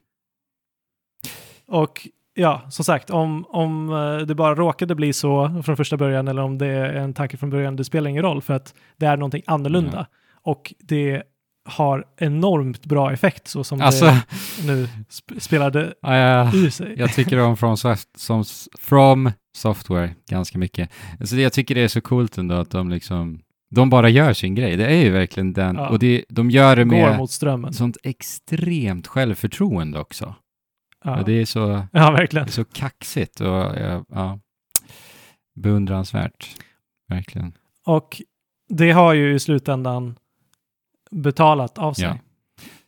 Alltså Miyazaki har hållit på i eh, Miyazaki, vilken jävla galning. över ett decennium här liksom. Ja. Men när man hör, eller, hör eller läser vad, det, vad han säger så, så, så här, han har haft en sund tanke från första början. Mm. Och sen så har, är det ju klart att det har tagit mycket tid att lära sig eh, allt, att implementera allting på rätt sätt. Men det är ju det de har gjort. Mm. De släppte Demon Souls som kanske inte var världens bästa spel, men som gjorde någonting annorlunda och vissa fick upp ögonen för. Och sen har de refinat det liksom Ja. Om och om och om igen. Eh, inte bara exakt samma koncept, utan gått lite sidovägen med Bloodborne och Sekiro. Eh, där de liksom erhåller ännu mer kunskap om hur du gör den här typen av spel. Ja. Samtidigt som de inte går ifrån sin, sin ursprungliga platt, plattform. Ja. Som gör att de blir mästare på det de gör. Det är klart, de gör, det, är klart det blir så. Mm. Ja, verkligen. Det var visst var det Demon Souls som var ett sänkande skepp och sen så tog Miyazaki över det och bara så här, ja ah, nice, jag kan göra vad jag vill för det här kommer ju ändå bli skit. Ja, Och så bara- Ja men gött, då kan jag göra vad jag vill. och sen så blev det Demon Souls. ja, alltså From Software har ju gjort många spel. De har ju funnits i flera decennier. Ja. Och de har gjort väldigt liksom okända eh, spel som jag vet inte om de är bra, men de ser inte så bra ut överhuvudtaget. Mm. De är väl mest Eh. kända för Armored Core utöver de här spelen. Ja, just det. Tidigare. Mm. Yes. Men eh, nu har det blivit väldigt mycket snack om liksom kring Vad har vi spelet. pratat om Fabian? Jag vet inte. Tiden har bara tickat på. jag tänkte så här, ah, nej, för 40 minuter sedan tänkte jag, ah, vi har bara snackat en timme, Ja. nu kan vi släppa lös alla tyglar. Eh, men herregud, det finns fortfarande mycket att prata om, om Elden Ring. Men vi kan väl säkert återkomma Eh. lite i alla fall ändå. Du har ju inte klarat det än, tänker jag. Nej, exakt. Alltså det är väl Eh, kanske inget, inget kanske fokus så, men Precis, men har du någonting som du tänker så här att det här är viktigt innan vi eh, kanske Mm. börjar nej men jag är nog ganska, gå till nästa ganska segment? tömd faktiskt, är jag ändå. Kanske bara Mm. trycka på det här med, med känslan av skala en sista jädra gång. Mm, ja, du, alltså jag var, jag var dum i huvudet ja, förra gången där jag, där jag motsatte mig det. Jag bara, nej men Horizon har visst skala. Ja. Och alltså de har det i vissa tillfällen, men eh, alltså, man svimmar ju där. i Elden Ring. Ja. Det är mästerligt. Det, det är bäst, in class. mäktigt. Ja, så otroligt mäktigt. Alltså bara en klippa Ja. kan, kan kännas så otroligt mäktigt. Och jag älskar landskapet Ja. i, i Elden Rings värld. Alltså det, det här Alltså, trasiga, typ förvridna och ja. så här, topologin är så här märklig liksom. Man, svårt, ja, verkligen. vad har hänt i den här världen? Mystiken som sagt. de här, du vet de här shrinesen som ligger omkring. Mm. Alltså, det, det har vi inte sagt, men alltså implicit storytelling, vi har pratat om det, men vi har inte Ja. sagt det rent explicit. Att implicit storytelling finns överallt. Oh, Eh, eh, än en gång, de är också mästare på eh, environmental storytelling, alltså storytelling genom miljön. Och de här, de här byggnaderna som ligger liksom nergrävda i marken, helt förfallna. Så Eh, snyggt. Det, det tror man ju bara är liksom byggnader som har stått där och som har fallit. Mm. Men det som egentligen har hänt är att det är byggnader som har funnits uppe i himlen och som har fallit Ja. ner. Det är så jäkla coolt. ja. Ah, nej men alltså så att Ja. jag tycker det är så här, just det, skalan i spelet, eh, typ så Mm. här, i och med öppna världen och så, typ eleverar den här känslan som jag pratade lite om med Tunic, du vet den här tillfredsställande känslan som är så synonym med alla från software-spel i nivådesignen, du vet när du till slut Mm. hittar den här genvägen och sen kan du blicka ut över banan du precis har gått Ja. igenom. Ja, det är Men tillfredsställande. det är så coolt i den öppna världen för att nu kan du liksom med hjälp av typ slottet där borta i horisonten så bara allt det här Exakt. landet emellan mig och där och när man har vetskapen om skalan som är massiv. Det, alltså det känns så Precis. mäktigt när man tittar på de vyerna liksom.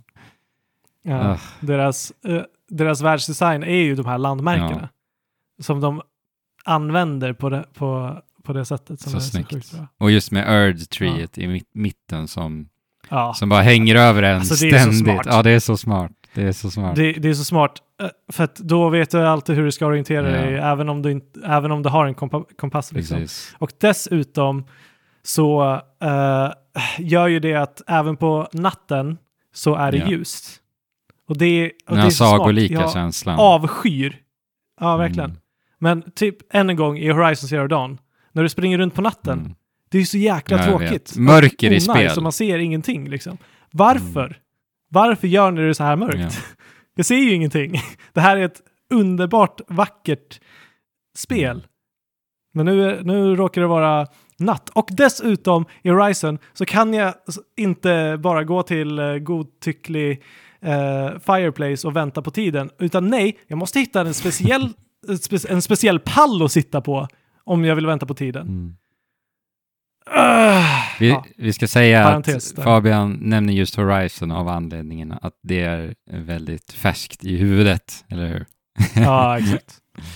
Men ja, ah, precis. what a game. Och det, det, har varit, det har varit tacksamt att spela Horizon som att ha som liksom canvas Mm. eh, att relatera Elden Ring mot. Ja, men det blir ju antitesen i den här kontexten, Ja. absolut. Det blir ju Ja. det. Alltså, jag tycker att Horizon är ett bra spel på många Ja. sätt. Men alltså, det når inte de Men- här topparna. Och- Och, det hjälper mig att förstå vad det är med Elden Ring. Som. Jo, men precis. Men det är också så här, eh, jag tycker ändå att bara göra, trycka lite på att när vi liksom jämför direkt de här två spelen nu, Horizon och Elden Ring, alltså kritiken vi ger eh, Horizon baserat på Elden Ring är ju inte att säga Horizon borde vara som Elden Ring, utan, Nej, utan det vi menar inte. är ju att man borde titta på eh, liksom filosofin bakom Elden Ring snarare och hur man ska Ex exakt, bygga precis. en öppen värld. För det är ju det som är problemet att så här i, i liksom AAA-utveckling, vad är syftet med öppna världen? Ja, Börja där! Precis. liksom. Ja. Ja, och eh, liksom använd saker till din fördel och försök bygg ett koherent Ja. spel. Exakt. Alltså, eh, inte bara massa blaffar här och där som har olika eh, funktioner. Och, ah. Exakt. Men eh, alltså att, på ja. tal om det här, bara sista liten kläm på med, med liksom världsdesign, skalan och så vidare. Alltså att spela Mm. Elden Ring är ju lite sightseeing till och med. I och med att ja, Ja. ja, jag håller direkt med. Jag har aldrig tänkt på det Ja, men det är ju liksom så oerhört. Eh, man vill bara sluka allt i spelet och bara... Man blir ju trollbunden Ja. av liksom allt man ser när man rider runt. Och bara, ugh. Ja. Man känner sig så liten också med skalan, vilket är coolt. Ja. ja, verkligen. Alltså för den som vill uh, dyka, in i storyn så är den ganska intressant. Det har ganska Mm. många plot twists här och där. Mycket namn. Eh, Känner du av, det här måste jag ju fråga, si- sista nu då. Kä- Känner du av, för du har ju ändå läst The Song of Ice and Fire, eh, känner du av George R.R. Martin på något vis här? Alltså, George har ju bara gjort karaktärerna och liksom förhållandet mellan dem och det känns, det känns väl ändå igen Mm. då. Eh, I liksom just, just den här känslan av att det är ett stort kungarike med eh, ett ganska intrikata clashes mellan Mm. olika familjer och liksom en, en elit som finns i världen där liksom allt drama utspelar sig Mm. på något sätt. Men det som är så intressant med Elden Ring är att eh, vi kommer in till den här världen och vi får saker och ting berättat för oss som om de sakerna precis har hänt. Men det verkar, allting tyder på att liksom the shattering of the Elden Ring var för väldigt Ja. länge sedan. Precis. Jag har ju kollat lite på, men ja, vi får väl se om det är någonting vi kanske vill diskutera i framtida avsnitt. Jag vet inte. Alltså, Sta- jag, eh, eh, jag vet att du inte är så sugen på storyn, men det vore ju kul att när jag väl har färdigställt mina mindmaps att gå igenom ja. dem, eh, kanske någon liten specialare. Det vore kul om du gör det utan att titta upp hur andra har pusslat ihop, så att du liksom får din version av det. Ah, eh, Nej, det, det, Alltså, det låter i och för sig som ett mig. hästjobb. Ja. ja, alltså jag kommer inte kunna hålla mig. Nej. Eh, alltså det är klart att det som jag skulle presentera skulle inte vara helt och hållet mina slutsatser och så. Men eh, man vinner bara, alltså ett tips är ju bara att du vinner mycket på att skriva ner saker och Mm. ting. Både i utforskandet men i storyn. Om du bara skriver ner namn, alltså så, en mindmap, Mm. det hjälper otroligt mycket. Att bara skriva ner namnen och så här, när du hör att så här, ja ah, men det är den, eh, eh, den personens dotter eller det är Mm, den det. personens älskare eh, och så vidare. Så, så ger det mycket större överblick. Mm. Så. Jag eh, vill eh, bara avsluta med att inte vilja kalla det här ett open world-spel. Aha. För open world har blivit synonymt med liksom det här receptet som vi har pratat om ganska mycket. Ja. Nintendo kallade ju Breath of the Wild för Open Air. Vad skulle Ja. du kalla Elden Ring då? Nej, men jag vet inte. Alltså... eh, alltså, eh, jag, jag vet inte. Op- Open. open world känns inte Mm. som att det gör spelet rättvisa överhuvudtaget. Alltså, open air är ett, men det låter lite... eh, Jävla Jäkligt, Nintendo men om alltså, de- som ska... Men om de redan, men om de redan har eh, pingat det så är det ju mer ett open world-spel, eller ett open air-spel än vad det är ett open world-spel. Mm. Kanske ett open world unleashed. Ja, just det. För att vi leds inte i koppel genom världen utan vi är helt okopplade i världen Ja, just det. och får göra precis vad vi vill. Ja. Och att det har brutit sig loss från det kopplet. Precis. Exakt. Ja. Det är precis, det är en unleashed open world. Det är Mm. bra. Där har ni det. Yes. Okej, snabbt. Nu får vi vara snabba Andrew. Ja. Vad önskar vi oss av eh, From Software i framtiden? Mm, ja. Efter att vi har sett det här som ändå ja. eh, är ett mästerverk i min bok. Det är det för mig också, måste jag säga. 100% ett mästerverk. Eh, men jag vet, alltså, det vore intressant. Jag sa det här till er eh, när vi inte har spelat in. Men jag skulle vilja se från software, extremt vagt, men skapa en värld där du inte instinktivt dödar allt. Ja, ja, håller med. Det skulle jag vilja säga. Och sen så kan From Software göra vad, vad de nu vill. Jag vill inte ha ett skräckspel heller, faktiskt. Nej, Jag, jag är typ lite Nej, skraj att From Software ska göra ett skräckspel. Jag kan tänka mig att de skulle kunna ta den vägen faktiskt. Men ja, who knows. alltså, alltså du menar att det är skräck för att det är zombies och grejer. Alltså, du, du ser Elden Ring, eller? Nej, men jag Du menar att de går ännu mer Ja, skräck? tänk dig typ Bloodborne gånger, gånger fem, liksom. Ja, okej. Mm. Ja, men jag kan se det. Jag, Ja, kan se, jag kan se det för att det är ändå ganska synonymt med deras spel. ja, Att det, och och jag, tror, jag tror att det är ganska tacksamt för vad, vad det är de försöker Ja. göra. jag vill, jag vill Eh, inte just se med det här att det är kryptiskt Ja, och precis. grejer. Men Mm. det behöver ju nödvändigtvis inte vara det. Nu, alltså, nu får vi tänka utanför boxen. Mm.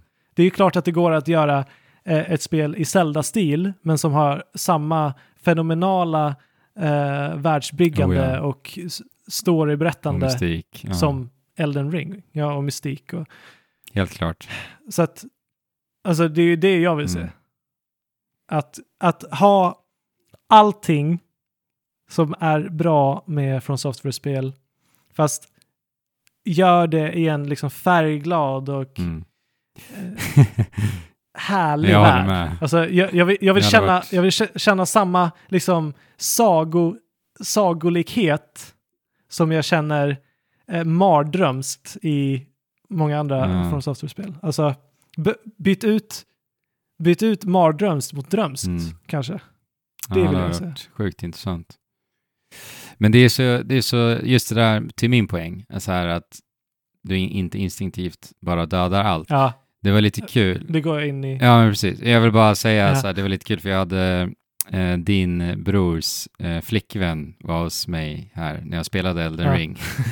eh, och så, så tittade hon lite när jag spelade. Hon blev ganska liksom, insupen av världen och så. Eh, och sen så kom, frågade hon mig bara, för hon tittade när jag spelade, så frågade hon mig, har du varit på den här platsen tidigare? Då svarade jag nej. Men då så frågade hon mig bara, men varför dödar du alla då?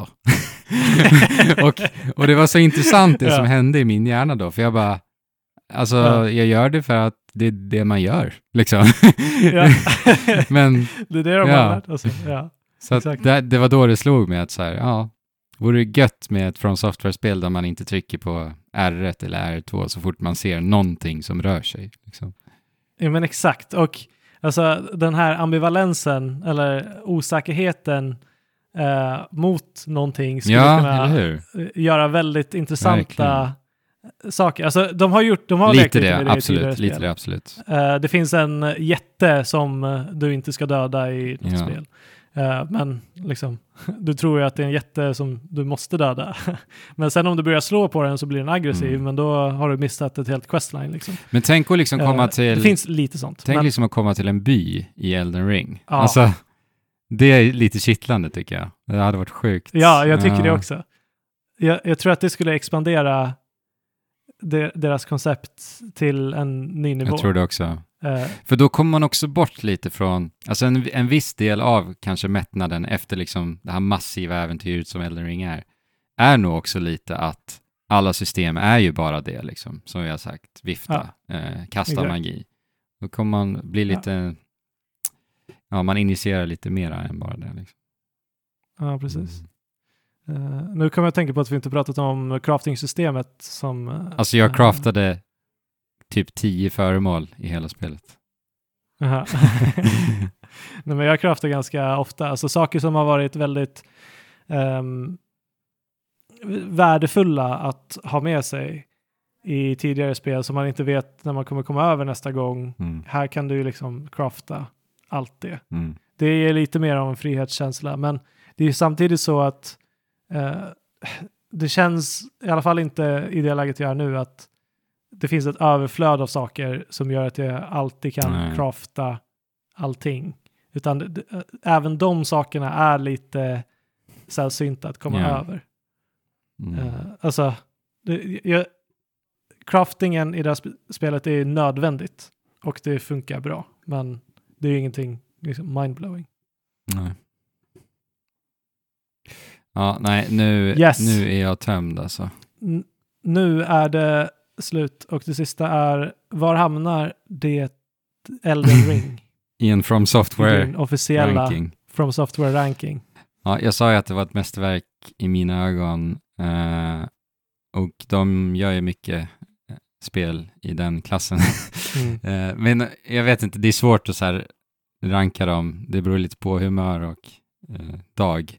Men jag skulle säga i alla Mm. fall att jag tycker att Elden Ring ändå hör hemma bredvid Bloodborne, Sekiro och Dark Souls 1. Alltså de fyra eh, och Elden Ring då är, ja, de är så bra Fabian. Ja, nej, men håller med. Eh, Bloodborne är ju liksom, jag har bara kärlek till Bloodborne i allting, Mm. i allting som det är. Liksom. Mm. Det, Är det fortfarande- Det är nästan så att det liksom pirrar när man, kommer, när man tittar tillbaka. Är det fortfarande Men- i topp, skulle du säga? Att Bloodborne är Mm. topp. Eh, eller om Elden Ring puttar ner den. Ja, precis, det är ju min fråga. Ja, ehm, jag är väl inte riktigt i position att Nej. svara det eftersom jag inte har klarat Elden Ring. Men, Svara nu, alltså- sen återbesöker vi frågan Mm, när du är klar. nej, men, nej men jag tycker så här. Bloodborne är liksom ett mästerverk för vad det är. Ja.